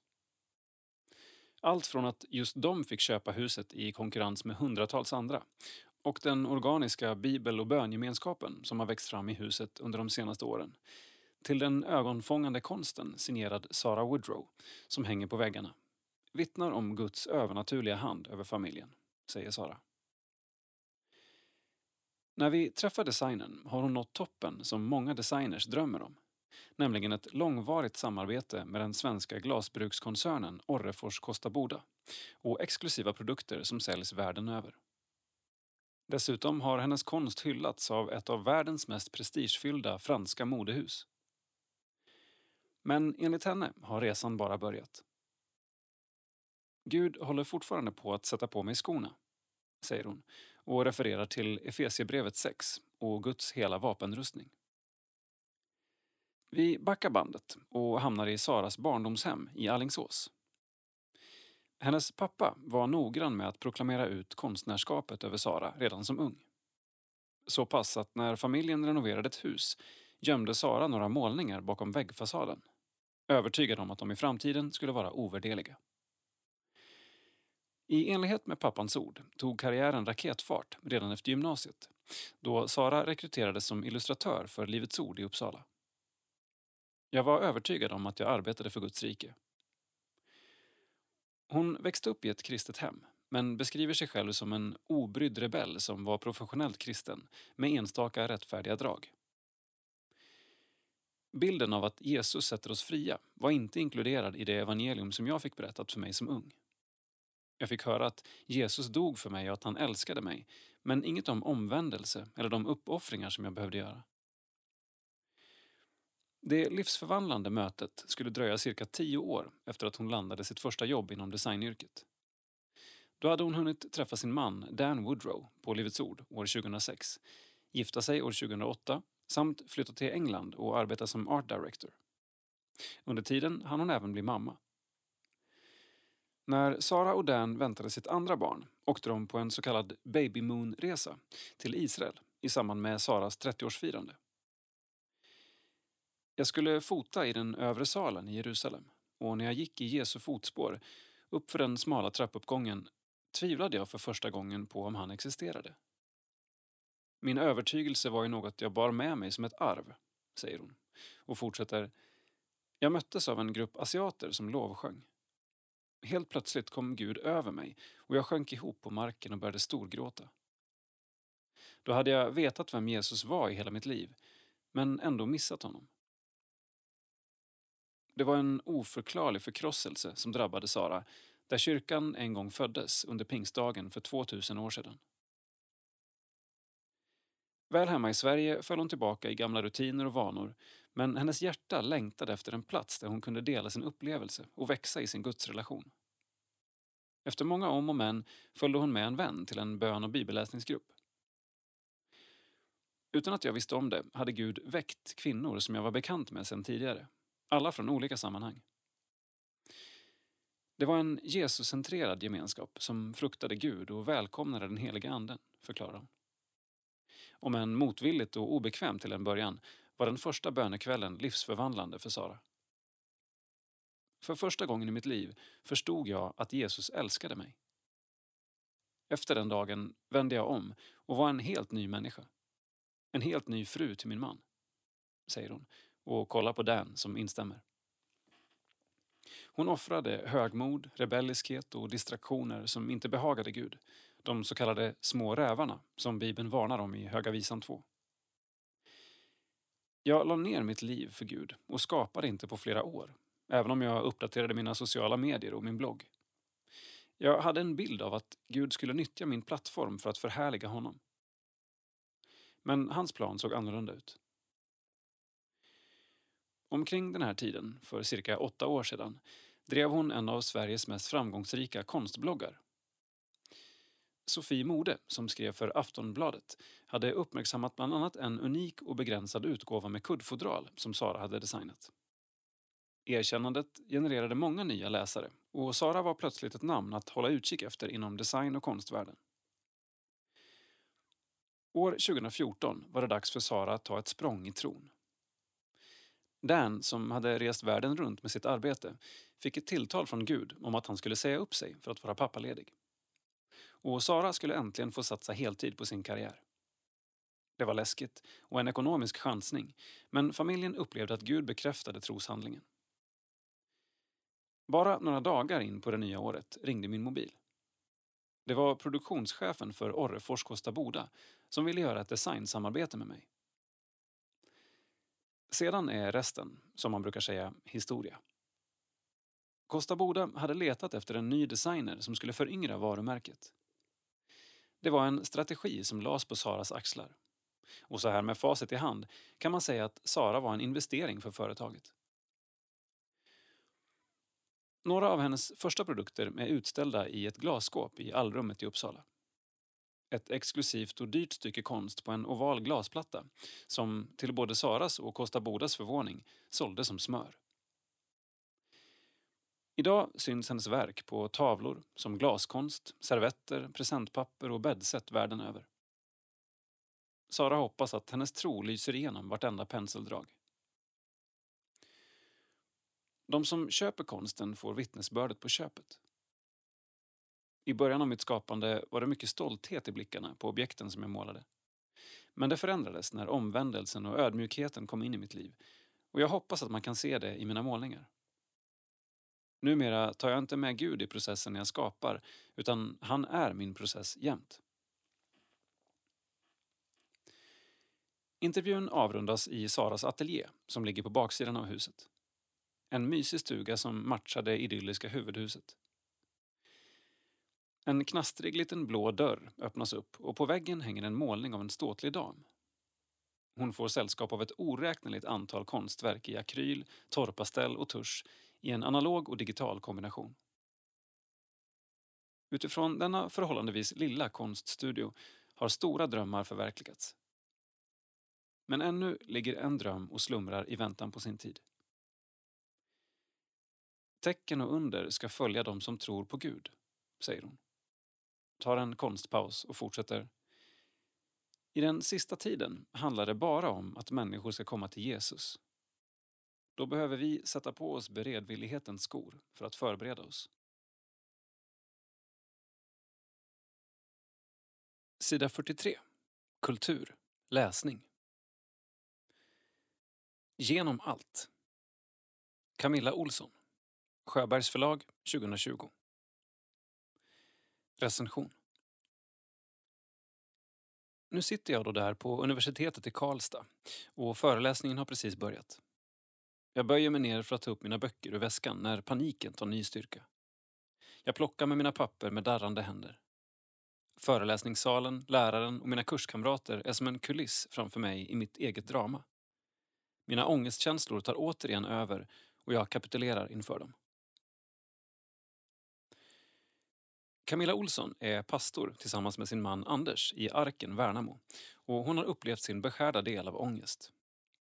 I debutboken Genom allt berättar hon om sin resa genom de mörkaste dalar då hon började studera till lärare och hur ångesten tog över henne. Vid tillfället var hon nygift och hon började sakta en läkeprocess. Det hon lärde sig i resan ut ur fångenskapen från ångesten berättar Olsson om i boken. Som hon själv skriver är det inte en tiostegsbok utan en uppmuntran om att inte ge upp trots att ångest och oro sveper sig likt en våt filt kring en. Det är inte heller en psykologibok, så letar du efter medicinska råd bör du vända dig till en psykolog. Men ibland räcker det med att förstå att man inte är ensam om ångesten. Det är inte många predikanter som öppet berättar om ångest, oro och deras kamp ut ur den. Därför är denna bok befriande, på mer än ett plan. Med hopp, ljus och frimodighet berättar hon om vad som varit hjälpsamt för henne och förhoppningsvis för fler som sitter fast i ångest. Lovisa Fundell Pietisten, en serietidning om kristen tro för unga, vuxna och seniorer. Redaktör Gunnar Lövgren. Recension. Nya tider kräver nya grepp. Väl medveten om att det är så måste jag medge att min första tanke när jag såg Pietisten som serietidning var skepsis. Men när jag nu läst första numret måste jag medge att jag faktiskt är lite imponerad. Temat är religiositet versus kristen tro. Och redaktören Gunnar Lövgren har framställt detta livsavgörande ämne på ett både illustrativt och teologiskt klart sätt. Innehållet är gedigen roseniansk förkunnelse. Serietidningen är alltså inte ett förytligande av budskapet utan ett förtydligande av det för en ny tid. Syftet med tidningen är att göra Rosenius teologi mer lättillgänglig och ge mer smak till att läsa Rosenius egna texter. Även jag som ganska van Rosenius-läsare har haft glädje av detta nummer och ser redan fram emot nästa, som ska handla om vem som bestämmer vad kristen tro är. Lars-Olof Eriksson. Sida 44. Kultur. Boksläpp. Nåd. Mer än förlåtelse. Profeten Jesaja, inspirationen till Magnus Perssons nya bok. Text Dagmar Witt Alemajehu, bild Johan Eriksson. Hur ser en process från Ve mig, jag förgås till Här är jag, sänd mig ut i praktiken? Magnus Persson inspireras av profeten Jesajas liv i ett försök att bena ut händelseförloppet i sin nya bok Som ringar på vattnet. I författarens andra bok adresseras det stora behovet av att hålla ihop helheten i Guds verk med människor. Samtidigt som man lär sig att rätt skilja mellan vad som är orsak och vad som är verkan. Boken är delvis skriven under coronapandemin. Magnus Persson vill uppmuntra Kristi kropp till att bli stilla och besinna att Herren är Gud i en tid som denna. I första kapitlet får läsaren möta förtvivlan och maktlöshet medan det andra kapitlet handlar om förundran över Guds storhet. Som ringar på vattnet har ett tilltal till alla kristna och är präglad av Magnus personliga erfarenheter och hans livsresa från förtvivlan och fördömelse till försoning och frihet. Boken är delvis skriven med tanke på EFS vision att se människor och samhällen förvandlade av Jesus. Men hur blir människor förvandlade? Och måste det inte börja med vår egen förvandling? Jesaja gör en resa från Ve mig, jag förgås till Här är jag, sänd mig. Jag tror många av oss kan känna igen sig i detta utgångsläge. Kanske känner vi avtrycket att vi borde svara Här är jag, sänd mig när utmaningen att leva mission presenteras. Vad gör man då om man trots allt inte vill? Och somliga vill men gör det inte ändå, säger Magnus. Avslutningsvis vill han beskriva ett slags nådens rörelseschema med ett perspektiv som enligt honom ibland skymts. Evangeliets verkan kan inte bara inskränkas till syndernas förlåtelse utan leder även till individens förvandling. Ibland stöter jag på fördomen om att luthersk teologi har en enkelspårig förkunnelse som enbart kretsar kring nåden som syndernas förlåtelse. Och att om man vill uppleva Guds kraft och andlig tillväxt så måste man pröva tyngre grejer och söka sig till andra sammanhang. Därför vill jag teologiskt lyfta fram detta perspektiv och ge konkreta exempel. I Kristus är förvandling inte bara möjlig, den är i princip oundviklig. Genom den helige Ande.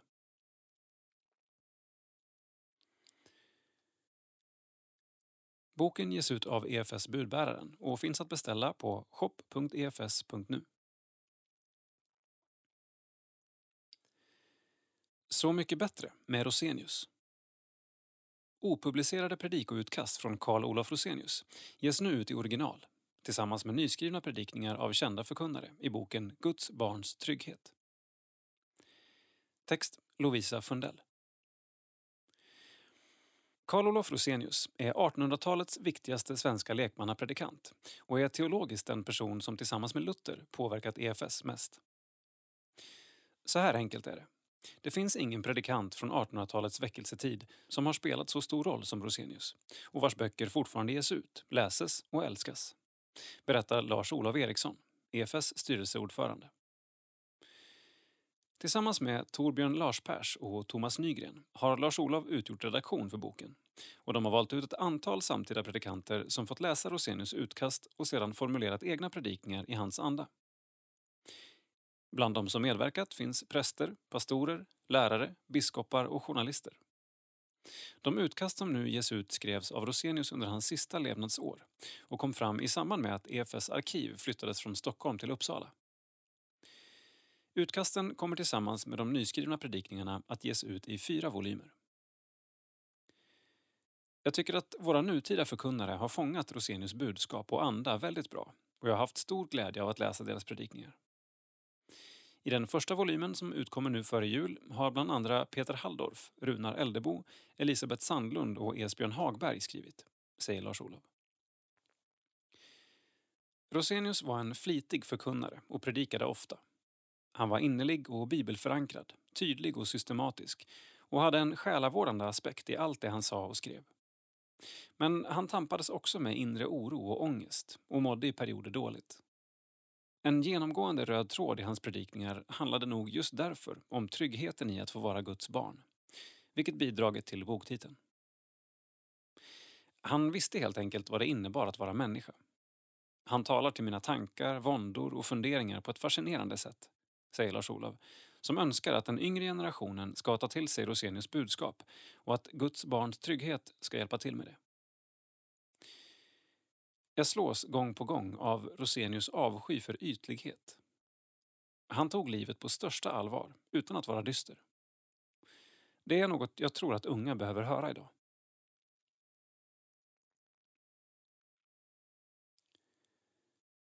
Bana väg för Herren. Text Elisabeth Sandlund.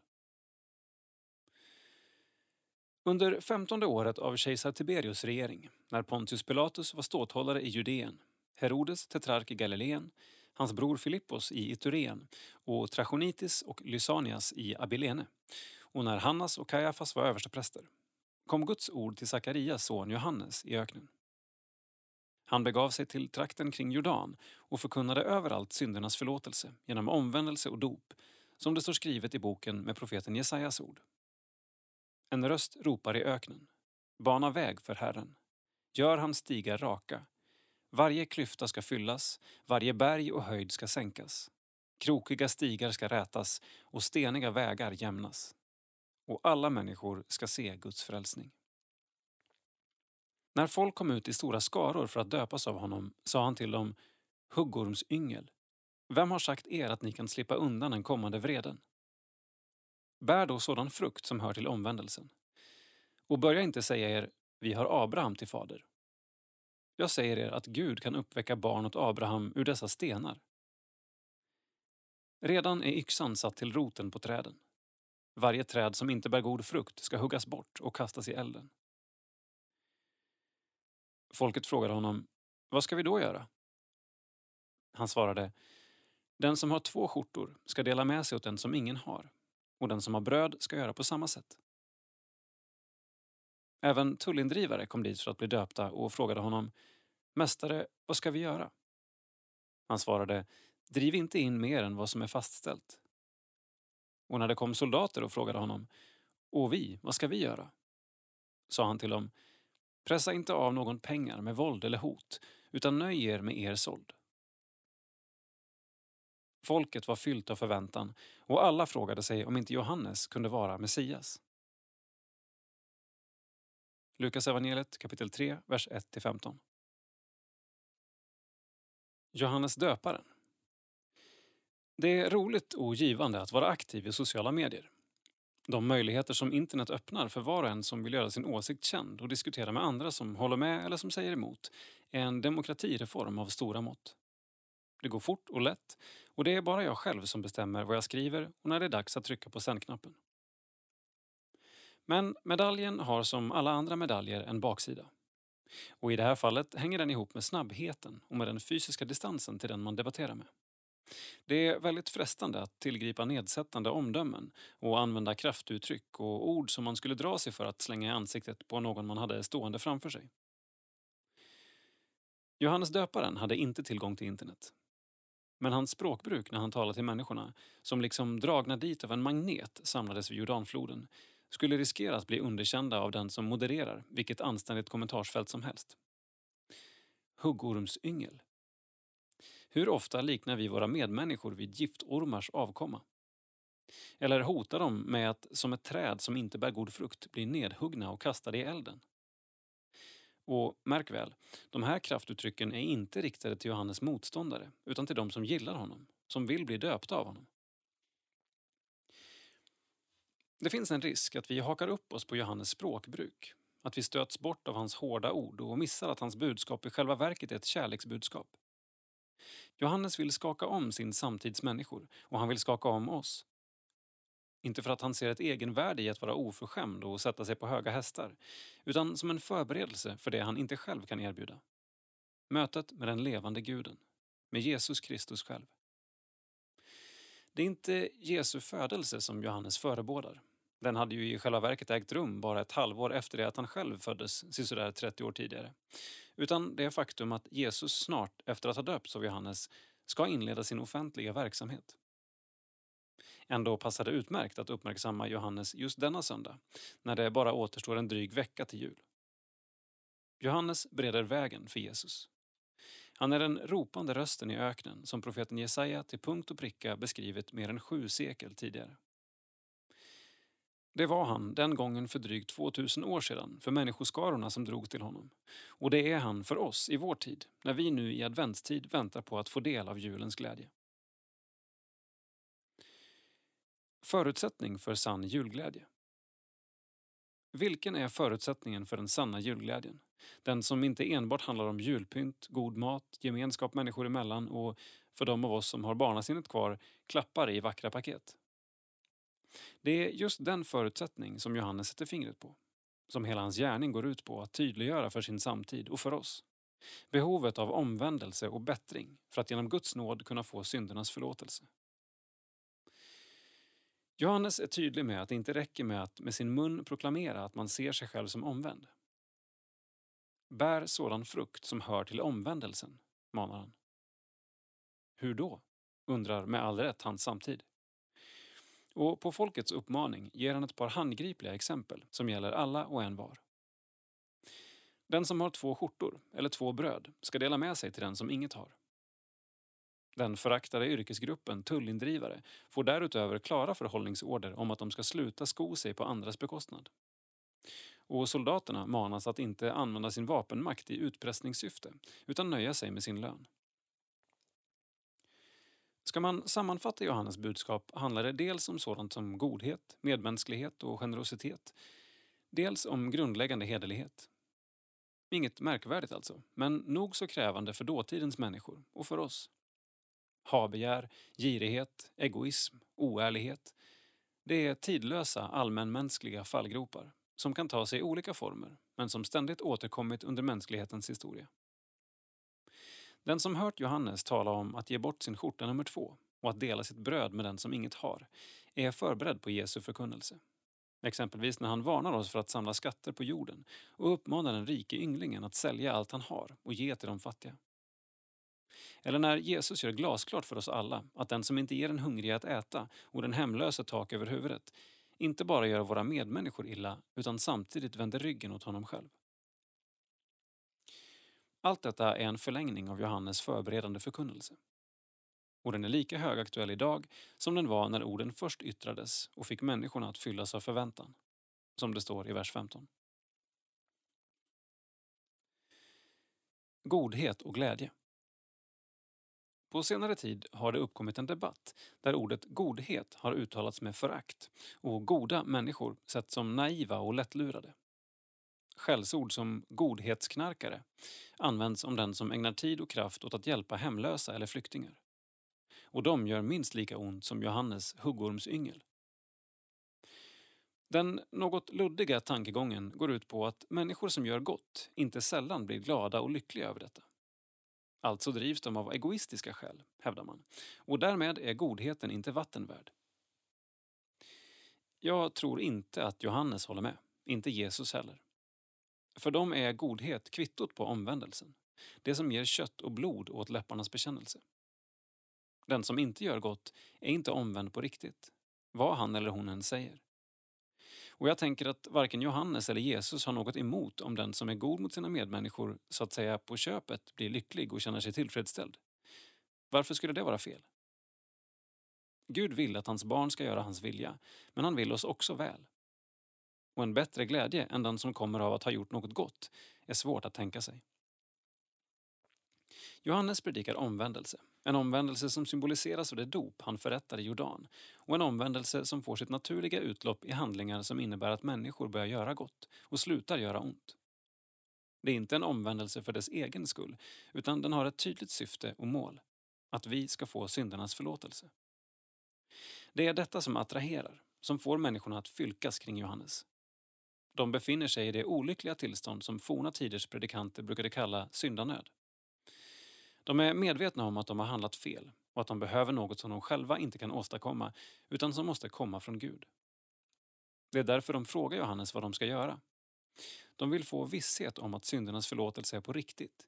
Inte ett påhitt av denne skäggige typ i konstiga kläder och kamelhår och med en ännu märkligare diet bestående av gräshoppor och vildhonung, om vi får tro Matteus och Markus. Är det sant? Samma längtan efter förvissning har vår tids människor. Är det verkligen sant att Gud kan förlåta alla synder? Är det på riktigt att det räcker med att omvända sig och ta emot Jesus Kristus som Herre? Är det inte bara kyrkans påhitt eller en krycka som svaga personer tar till för att klara av att ta sig fram genom livet? Det är brännande frågor eftersom de rör den kristna trons absoluta kärna. Och fritt efter C.S. Lewis, om den kristna tron är osann är alla kristna genom alla tider grundlurade. Om den å andra sidan är sann är den sann för alla människor och oavsett tidsålder. Vad den inte kan vara är delvis sann eller sann för vissa men inte för alla. Att få för sig att man är utestängd från Guds förlåtelse är något av det värsta, ja kanske det allra mest förskräckliga som en människa kan råka ut för. Tro mig, jag har varit där. Sommaren 1999 mötte jag Gud, plötsligt, oväntat och oönskat, på min yngsta dotters konfirmation. När jag efter 32 år som övertygad ateist gick fram för att ta emot nattvarden för andra gången i mitt liv. Jag trodde att det var för att göra henne glad, men Gud gjorde tydligt för mig att det inte var för hennes skull som brödet och vinet var utgivet och utgjutet, utan för min egen. Efter några sömnlösa nätter, när jag panikartat försökte hålla bort tanken att det hade hänt något livsavgörande, kapitulerade jag knäppte händerna och talade om för Gud att jag insett att jag haft fel och att han haft rätt hela tiden.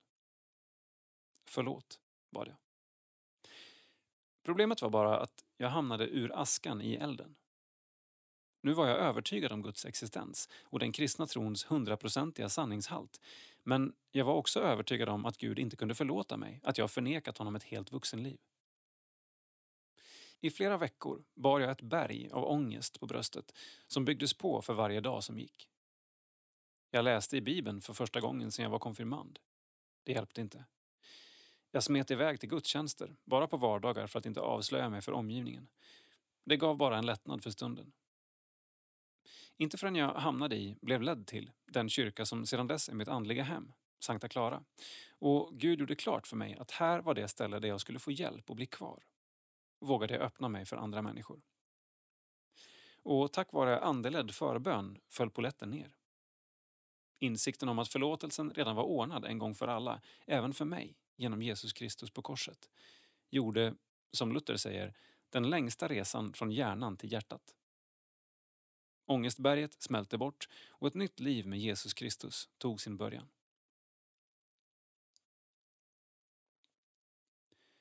Det äkta nådeserbjudandet. När vi känner tvekan inför att Gud är beredd att förlåta alla synder, också de som i våra egna eller andra människors ögon är oförlåtliga, behöver vi hjälp att påminna oss vad Bibeln säger, gång på gång, i Gamla likaväl som i Nya testamentet. Jesaja förmedlar alldeles i början av sin profetgärning trösterika men också uppfordrande ord från Herren. Också synder som är schalakansröda kan bli vita som snö. Också de som är röda som purpur kan bli vita som ull. Men det finns en glasklar förutsättning. Om ni villigt lyder mig. Jesaja 1 och 19. Och villkoret upprepas gång på gång i Nya testamentet. Det finns inga löften om syndernas förlåtelse för den som inte tror och för den som inte ångrar sig. Men när vi bekänner våra synder har nåden, gratia dei, det enda äkta gratiserbjudandet som existerar. Inga gränser. Och till sist. Nåden är gratis för oss, arma syndare. Men den är inte gratis för Gud. Den kostade hans egen son Jesus Kristus obeskrivligt lidande och en plågsam död på korset. Starkare bevis på Guds kärlek, nåd och villighet att förlåta än Jesu blod finns inte. Starkare bevis behövs inte. Det ska vi också påminna oss när vi hör Johannes ack så kärva men kärleksfulla budskap så här en vecka före jul.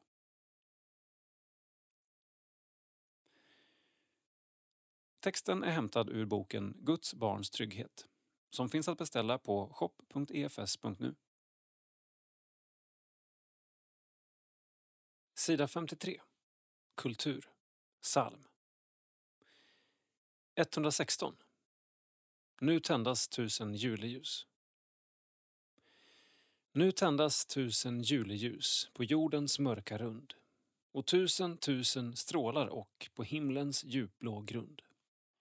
Och över stad och land ikväll går julens glada bud att född är Herren Jesus Krist, vår frälsare och Gud. Du stjärna över Betlehem, o låt ditt milda ljus får lysa in med hopp och frid i varje hem och hus. I varje hjärta, armt och mörkt, sänd du en stråle blid.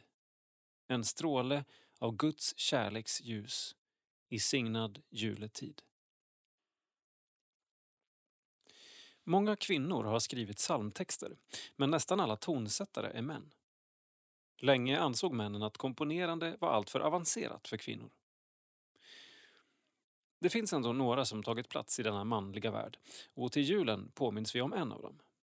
Emmy Köhler, född 1858, som skrivit både text och melodi till Nu tändas tusen juleljus, psalm 116 i Svenska psalmboken. Vem var hon? Psalmbokens register säger Lärare, Stockholm, skrev visor och berättelser för barn. Hennes bakgrund är också intressant, inte minst för den som gillar EFS-historia. Emmy Köhler kom från en familj som hade starka band med EFS och missionen, så hon var säkert ofta i Betlehemskyrkan som barn. Pappan Armand Melin fanns med i den krets i Stockholm som 1856 grundade Evangeliska Fosterlandsstiftelsen och valdes in i den första styrelsen. Hennes mor var friherrinnan Wilhelmina Rappe. I släkten fanns också generalen Axel Rappe. Han var ordförande i EFS styrelse i början av 1900-talet och blev den första EFS-medlem som suttit i Sveriges regering, närmare bestämt som krigsminister. Emmy fick en gedigen utbildning i såväl musik som andra ämnen. En tid var hon lärare för Gustav Vs son, prins Erik. Hon var bekant med Lina Sandell och hennes omtyckta julsång från 1898 publicerades först i Korsblomman, den julkalender som Lina ansvarade för i många år. Den text vi sjunger idag är nästan ordagrant den som Emmy Köhler skrev för 122 år sedan.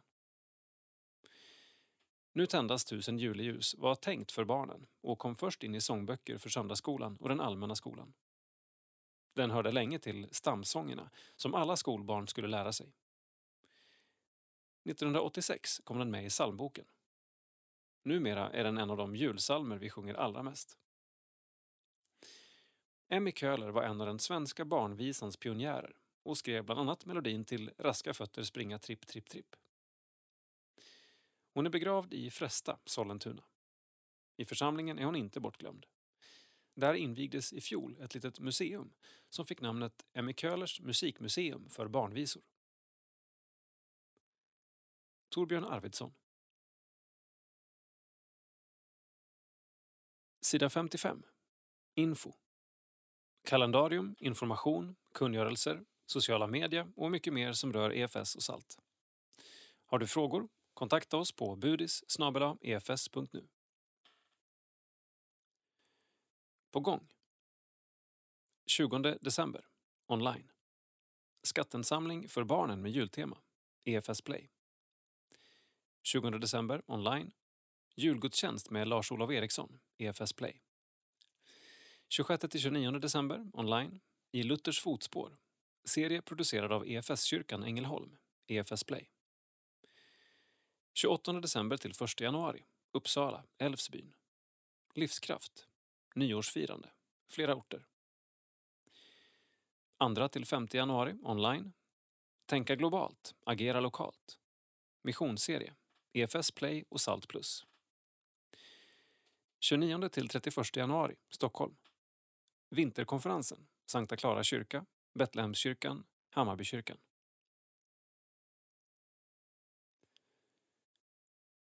Plånböcker hjälper utsatta i Etiopien.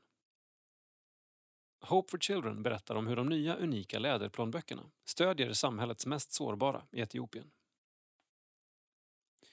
EFS har gått ihop med Hope for Children, HCE, i ett julklappssamarbete. HCE har via sin läderverksamhet designat och producerat en unik läderplånbok i begränsad upplaga som är ett perfekt julklappstips för den som vill stödja EFS arbete i Etiopien. Jonas Tesfaye, en av HCEs grundare, berättar att coronapandemin har pressat deras verksamheter från alla håll och kanter.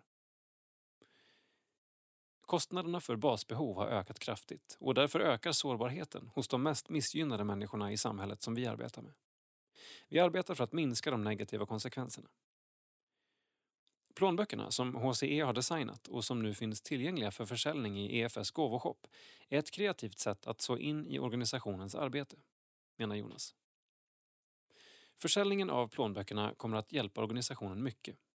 Vi kommer dels att kunna hålla igång vår läderproduktion och dels kunna nyttja inkomsten från försäljningen.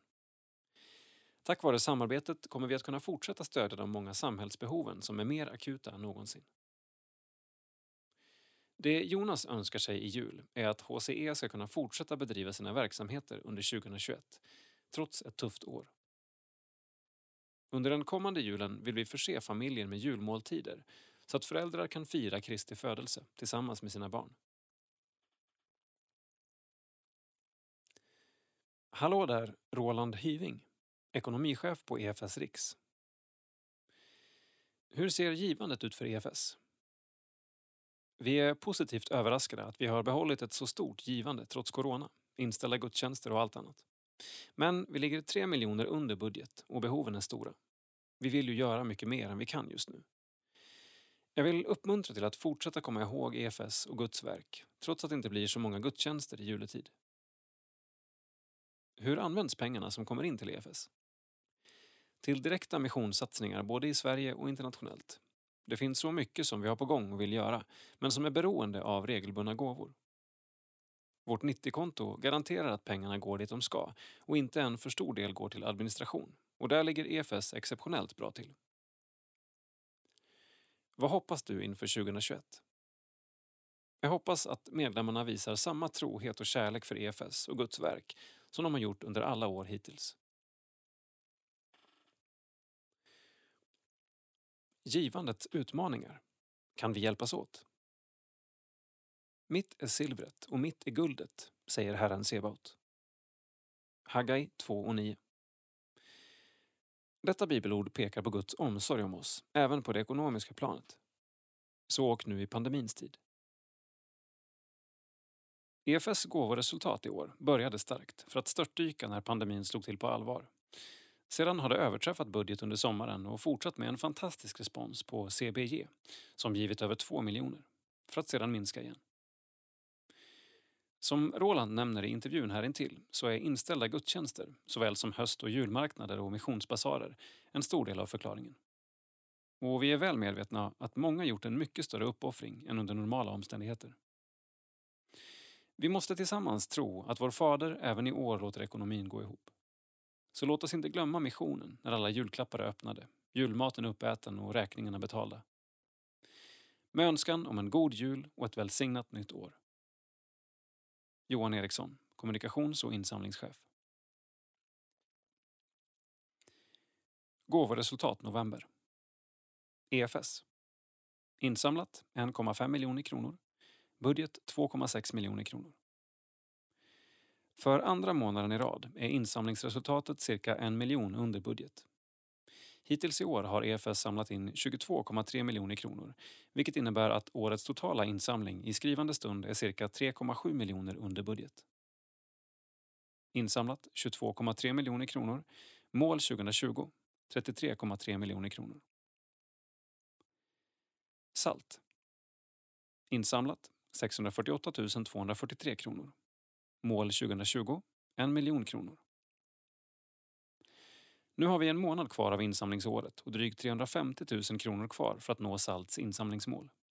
Vi är så tacksamma för alla gåvor som hittills kommit in och hoppas att ni vill ge Salt en stor julgåva så att vi kan fortsätta vårt viktiga arbete för barn och unga inom EFS och Salt. Sidan 58. Region Mittsverige. Det finns rikedom. Under detta missionsår fokuserar vi särskilt på Dalarna. Här träffar vi prästen Caroline Besch som berättar om verksamheten i Jakobsgården i Borlänge. Text Linnea Björk. Bild privat. Caroline började i oktober förra året som ny präst i Jakobsgården i Borlänge. Denna församling är fylld av så underbara människor som gör så mycket i ödmjukhet och de ser det inte alltid själva. Det finns så mycket liv, kärlek och stöd i förbön för varandra, säger hon och fortsätter. Min reflektion av corona är att det är så lätt att bli påverkad av den här världen med sina glamorösa bilder och stora siffror. Men vi ska inte förakta det lilla, för där finns det rikedom. Varje söndag kommer underbara kristna som troget i alla år har bett för Borlänge och det är fantastiskt. I församlingen finns bland andra Charlotte och Bosse Liss. Charlotte spelar piano på gemenskapskvällar men hon är ännu mer hemma bakom cellon. När hon spelar är det som att vara på en konsert. Man bara njuter. Bosse spelar också musik men tjänar nu i församlingen genom att hitta lösningar för våra digitala gudstjänster, säger Bärs. I en av församlingens bibel och bönegrupper är många av deltagarna långt över 70 år. De flesta av dem har aldrig varit ute i det digitala men efter lite tålamod träffas gruppen nu online. Det är så givande att få be och prata om Bibeln tillsammans. Bara häromdagen var det faktiskt med två nya. Man reflekterar kanske inte så mycket över det själv, men bön har makt. Jesus är verksam och han rör vid ett hjärta i taget. Det finns styrka i de mindre gemenskaperna. Jakobsgårdarna har också sedan många år tillbaka en internationell bibel och bönegrupp dit många studenter sökt sig. Det ligger på församlingens hjärta att de som är med där också ska känna sig hemma i EFS så även den verksamheten blir en del av gemenskapen. Som samarbetskyrka har de en bra relation med kyrkoherden och Svenska kyrkan vilket Caroline menar inte alltid är självklart. Vi får utforska tillsammans hur vi kan vara kyrka mitt i detta med många olika språk och många olika begåvningar. Det är en utmaning där vi behöver vägledning från Jesus varje dag. Som ny präst tillkommer ofta många nya idéer och i församlingen pågår samtal om nya saker de vill göra. Mycket av det går inte att genomföra nu på grund av coronans begränsningar. Det är frustrerande när saker inte blir som vi tänkt, men det är också väldigt fint. Jag tycker corona tar oss bortom alla koncept, bortom det som vi själva kan göra och i det möter vi Jesus på riktigt. Där blir teologin inte bara logik utan även logos, det levande ordet. Efter ett samtal med mycket glädje avslutar Caroline med en ton av allvar. Att ha ett hjärta för Borlänge är också att ha hjärtesorg. Denna staden är så utsatt. Det är mycket oroligheter och precis i närheten till vårt kapell har det varit två skjutningar. Vi behöver mycket förbön.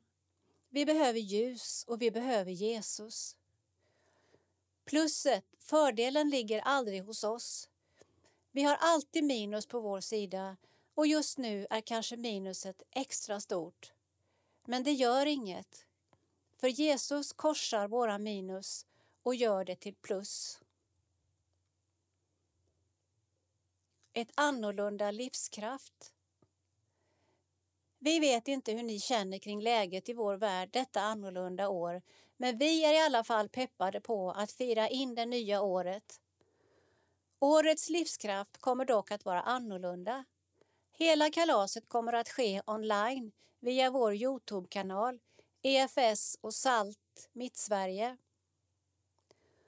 Årets tema är Kallad och sänd och vi har laddat upp med massor av bra talare och seminarium. Vi hoppas på att massor av ungdomar vill fira in det nya året med oss. Sida 60. Region Sydöstsverige. Samarbetskyrkan stärker EFS roll. Möt Växjös nya samarbetskyrkopräst, Christer Borg, i ett samtal om hur kyrkan kan vara relevant idag. Text och bild Lukas Mellergård. Vi möts för en kaffe på ett café i centrala Växjö. Normalt kanske man förväntar sig att träffa sin präst i kyrkan. Det här är mitt andra kontor. Det är här jag förbereder mina predikningar och har samtal med människor. För mig symboliserar det här kaféet ett möte med den moderna människan och det erbjuder en avslappnad miljö som tilltalar mig. Christer Borg är en smålänning, uppvuxen i Strömsnäsbruk. Som 15-åring tog hans liv en helt ny vändning år 2001 blev han prästvigd för tjänst inom EFS. I en icke-kristen miljö kom jag till tro genom ett fysiskt helande. Sedan det ögonblicket har jag vandrat med Jesus. Mitt liv har bestått av mycket mission ute i världen men på senare år har jag trivts med att kombinera liturgin i Svenska kyrkan med det karismatiska och lågkyrkliga. Så sedan en tid har jag nu även blivit antagen för tjänst inom Svenska kyrkan. Nu har vi flyttat hit till Växjö och jag har min tjänst i Västra Bokyrkan. Jag har fyra barn och gift med min underbara Kristina. Tillbakalutad i den stora läderfåtöljen med doften av nybryggt kaffe runt oss andas vi in ett lugn och det är som en meditation över livet. Christer har gått in i ett nytt uppdrag som samarbetskyrkopräst så det känns viktigt att ställa honom frågan om hans syn på samarbetskyrkan. Jag ser att samarbetskyrkan faktiskt stärker EFS roll som en inomkyrklig rörelse. För mig symboliserar Västrabokyrkan en enhet av att både vara fullt ut en organisk del av Svenska kyrkan och samtidigt betona mission och gemenskap. Christer beskriver kyrkan på ett sätt som påminner om Magnus Perssons myntade begrepp helkyrklighet. Frågan till oss kristna är, vilka behov ser vi i samhället och kyrkan? Kyrkan i Växjö måste skapa mötesplatser för människor som kallar sig kristna men som ännu inte hittat sitt andliga hem. Kyrkan behöver kunna erbjuda en relevant mötesplats för olika kristna andligheter. Högkyrkligt, lågkyrkligt och karismatiskt. Vårt samtal fortsätter och Christer delar sina tankar om hur vi kan bygga gemenskap i kyrkan. Och just nu är Christer aktuell med en undervisningsserie om den heliga anden. Detta går att ta del av via Västrabokyrkans Facebook-sida. Vi på EFS Sydöst, tillsammans med EFS missionsförening i Växjö, hälsar Christer Borg välkommen och önskar Guds rika välsignelse i hans arbete som samarbetskyrkopräst. Växjö missionsförening Missionsföreningen bildades 1872. EFS i Växjö flyttade in i Västra Bokyrkan 1979 och bildade samarbetskyrkan med Svenska kyrkan i Växjö. Det blev inte riktigt som vi hade tänkt oss. Mycket av det vi hade bestämt och planerat blev inställt, uppskjutet eller i bästa fall omställt under 2020. Ett mikroskopiskt virus letade sig på krokiga men snabba vägar från Wuhan till Växjö, Värnamo och Vimmerby. Efter bara några månader var hela världen drabbad. Ingen av oss kunde ana detta när vi firade in det nya året. Men Herren såg allt. Han vet också vad som ligger framför. Låt oss med frimodighet och förväntan välkomna 2021. Låt oss göra det i vetskap om att våra kroppar är bräckliga och dödliga, men att Jesus vunnit seger. Dödens udd är bruten i namnet Jesus. Stäm in i vår bön. Herre Jesus Kristus, kom till oss med nytt hopp och nytt mod. Vi lägger det gamla året i dina händer och tar emot det nya med förväntan. Låt den dag komma snart då du befriar din skapelse från lidande och förnedring till glädje och fullkomlighet. Magnus Widholm, regional missionsledare för EFS Sydöstsverige. Sida 62. Info. Nytt i livet. Avlidna. Vår älskade Gunnel Renström född 28 augusti 1922. Har stilla somnat in. Frösön 22 november 2020. Kristina och Thomas. Tobias och Sara. Matteo. Simon, Maria. Karin. Sven och Gina. Anton, Axel.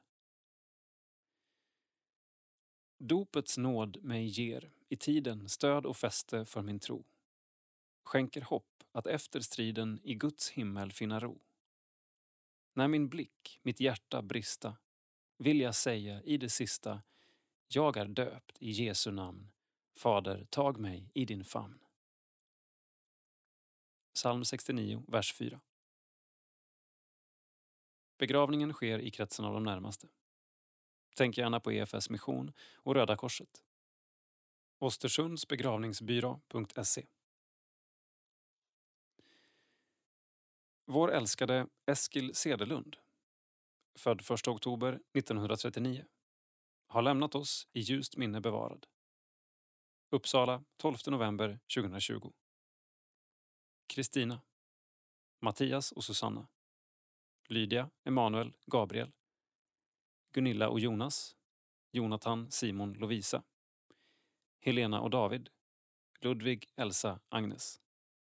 Övrig släkt och vänner. Jesus sa, jag är uppståndelsen och livet. Den som tror på mig ska leva om han än dör. Johannes 11.25 Begravningen sker i kretsen av de närmaste. Tänk gärna på EFS mission, bankgiro 900-9903. Levins och Serenander. Telefon 018 50 11 50. Vår älskade Halvar Jakobsson, född 17 april 1924, har lämnat oss i stor sorg och saknad och flyttat till sitt himmelska hem.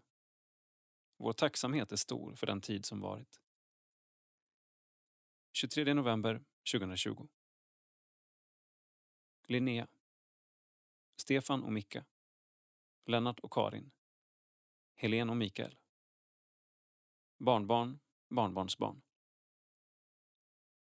Ty för mig är livet Kristus och döden en vinning. Begravningen äger rum i kretsen av de närmaste. Tänk gärna på Vasakyrkans barn och ungdomsarbete.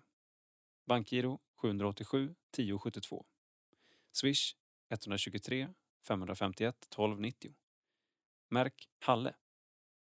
Se Halles minnessida på fonus.se.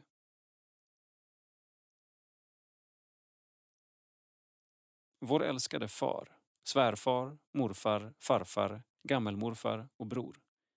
Henrik Markgren. Född 3 december 1927. Har slutat sina dagar här på jorden. Vi känner stor sorg, saknad och tacksamhet. Harmånger 24 november 2020 Nils-Erik och Kristina. Elin, Anton, Ida. Göran och Agneta. Linnea, Anna, Andreas. Elisabeth och Håkan. Cecilia, Lina. Gunnar och Anna. Joel, Emily, Elsa. Per-Olof och Maria Vill Övrig familj, syskon, släkt och vänner. Mina dagar du förvandlar, så från grus till ädla stenar. Du får lyfta, du får bära. Jag kan bara allting lämna. Tag då nu i dina händer denna dagen som förflutit. Begravningen äger rum i Jättendals kyrka onsdag 30 december klockan 10.00 i kretsen av de närmaste. Stöd gärna Bolongua Children's Home, Bankgiro 389 49 12 eller EFS. Akten direktsänds via Henriks minnesrum på tollstedts.se.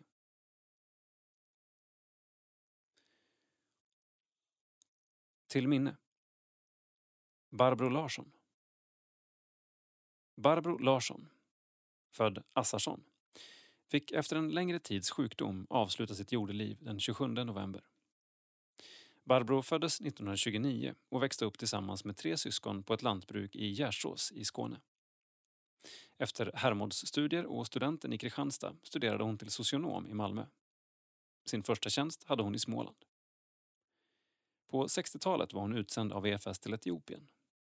Först var hon lärare för missionärsbarn, bland annat en termin för mig och mina syskon i ett litet rum på blindskolan i Backo.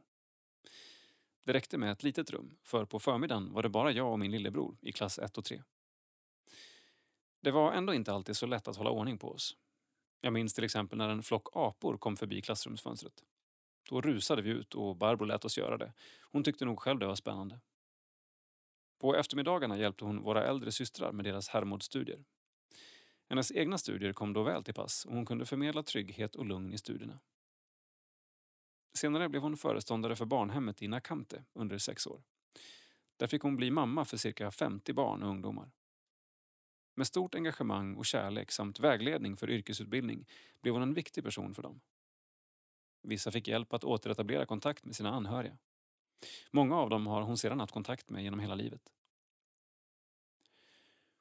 Åter i Sverige gifte hon sig med lantbrukaren Lars-Åke Larsson och flyttade till hans gård, barndomshem i Tormestorp söder om Hässleholm. Där skapade de ett hem där deras dotter Jenny fick växa upp. Ett hem där många från olika länder under årens lopp fått känna sig hemma och uppleva gästfrihet, omtanke och kärlek. Detta gäller bland annat flera etiopier och även min familj när vi bosatte oss i Tormestorp. Utöver all den generositet Barbro spred omkring sig så vårdade hon sin fina trädgård med stort engagemang. Barbro arbetade många år som kurator på Orups sjukhus. Hon var även mycket engagerad bland annat som medlem i kyrkorådet och kyrkvärd i Brönnestads församling. När hälsan inte lät dem bo kvar på den fina gården med en underbar utsikt över Finjasjön fick de sälja den och flytta in till Hässleholm. Vi är många i Sverige, Etiopien med mera som med glädje och tacksamhet minns all kärlek, omtanke och värme som vi får ta emot från Barbro. Nu har hon fått flytta hem till det hem där det är dags för henne att fullt ut ta emot den kärlek och nåd som hon levt av och fört vidare under sitt liv här. Paul Persson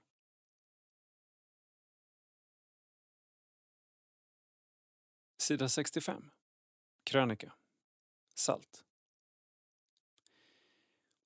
jag glömmer ibland bort att Gud talar till och genom barn på ett fantastiskt sätt, skriver Johanna Björkman. Barnen som Guds språkrör. Jag älskar överraskningar. Jag kan bli barnsligt förtjust när något roligt eller oväntat händer som gör mig glad. En överraskning kan såklart se väldigt olika ut. Ibland har någon tagit sig tid att förbereda och ibland sker det nog mer spontant.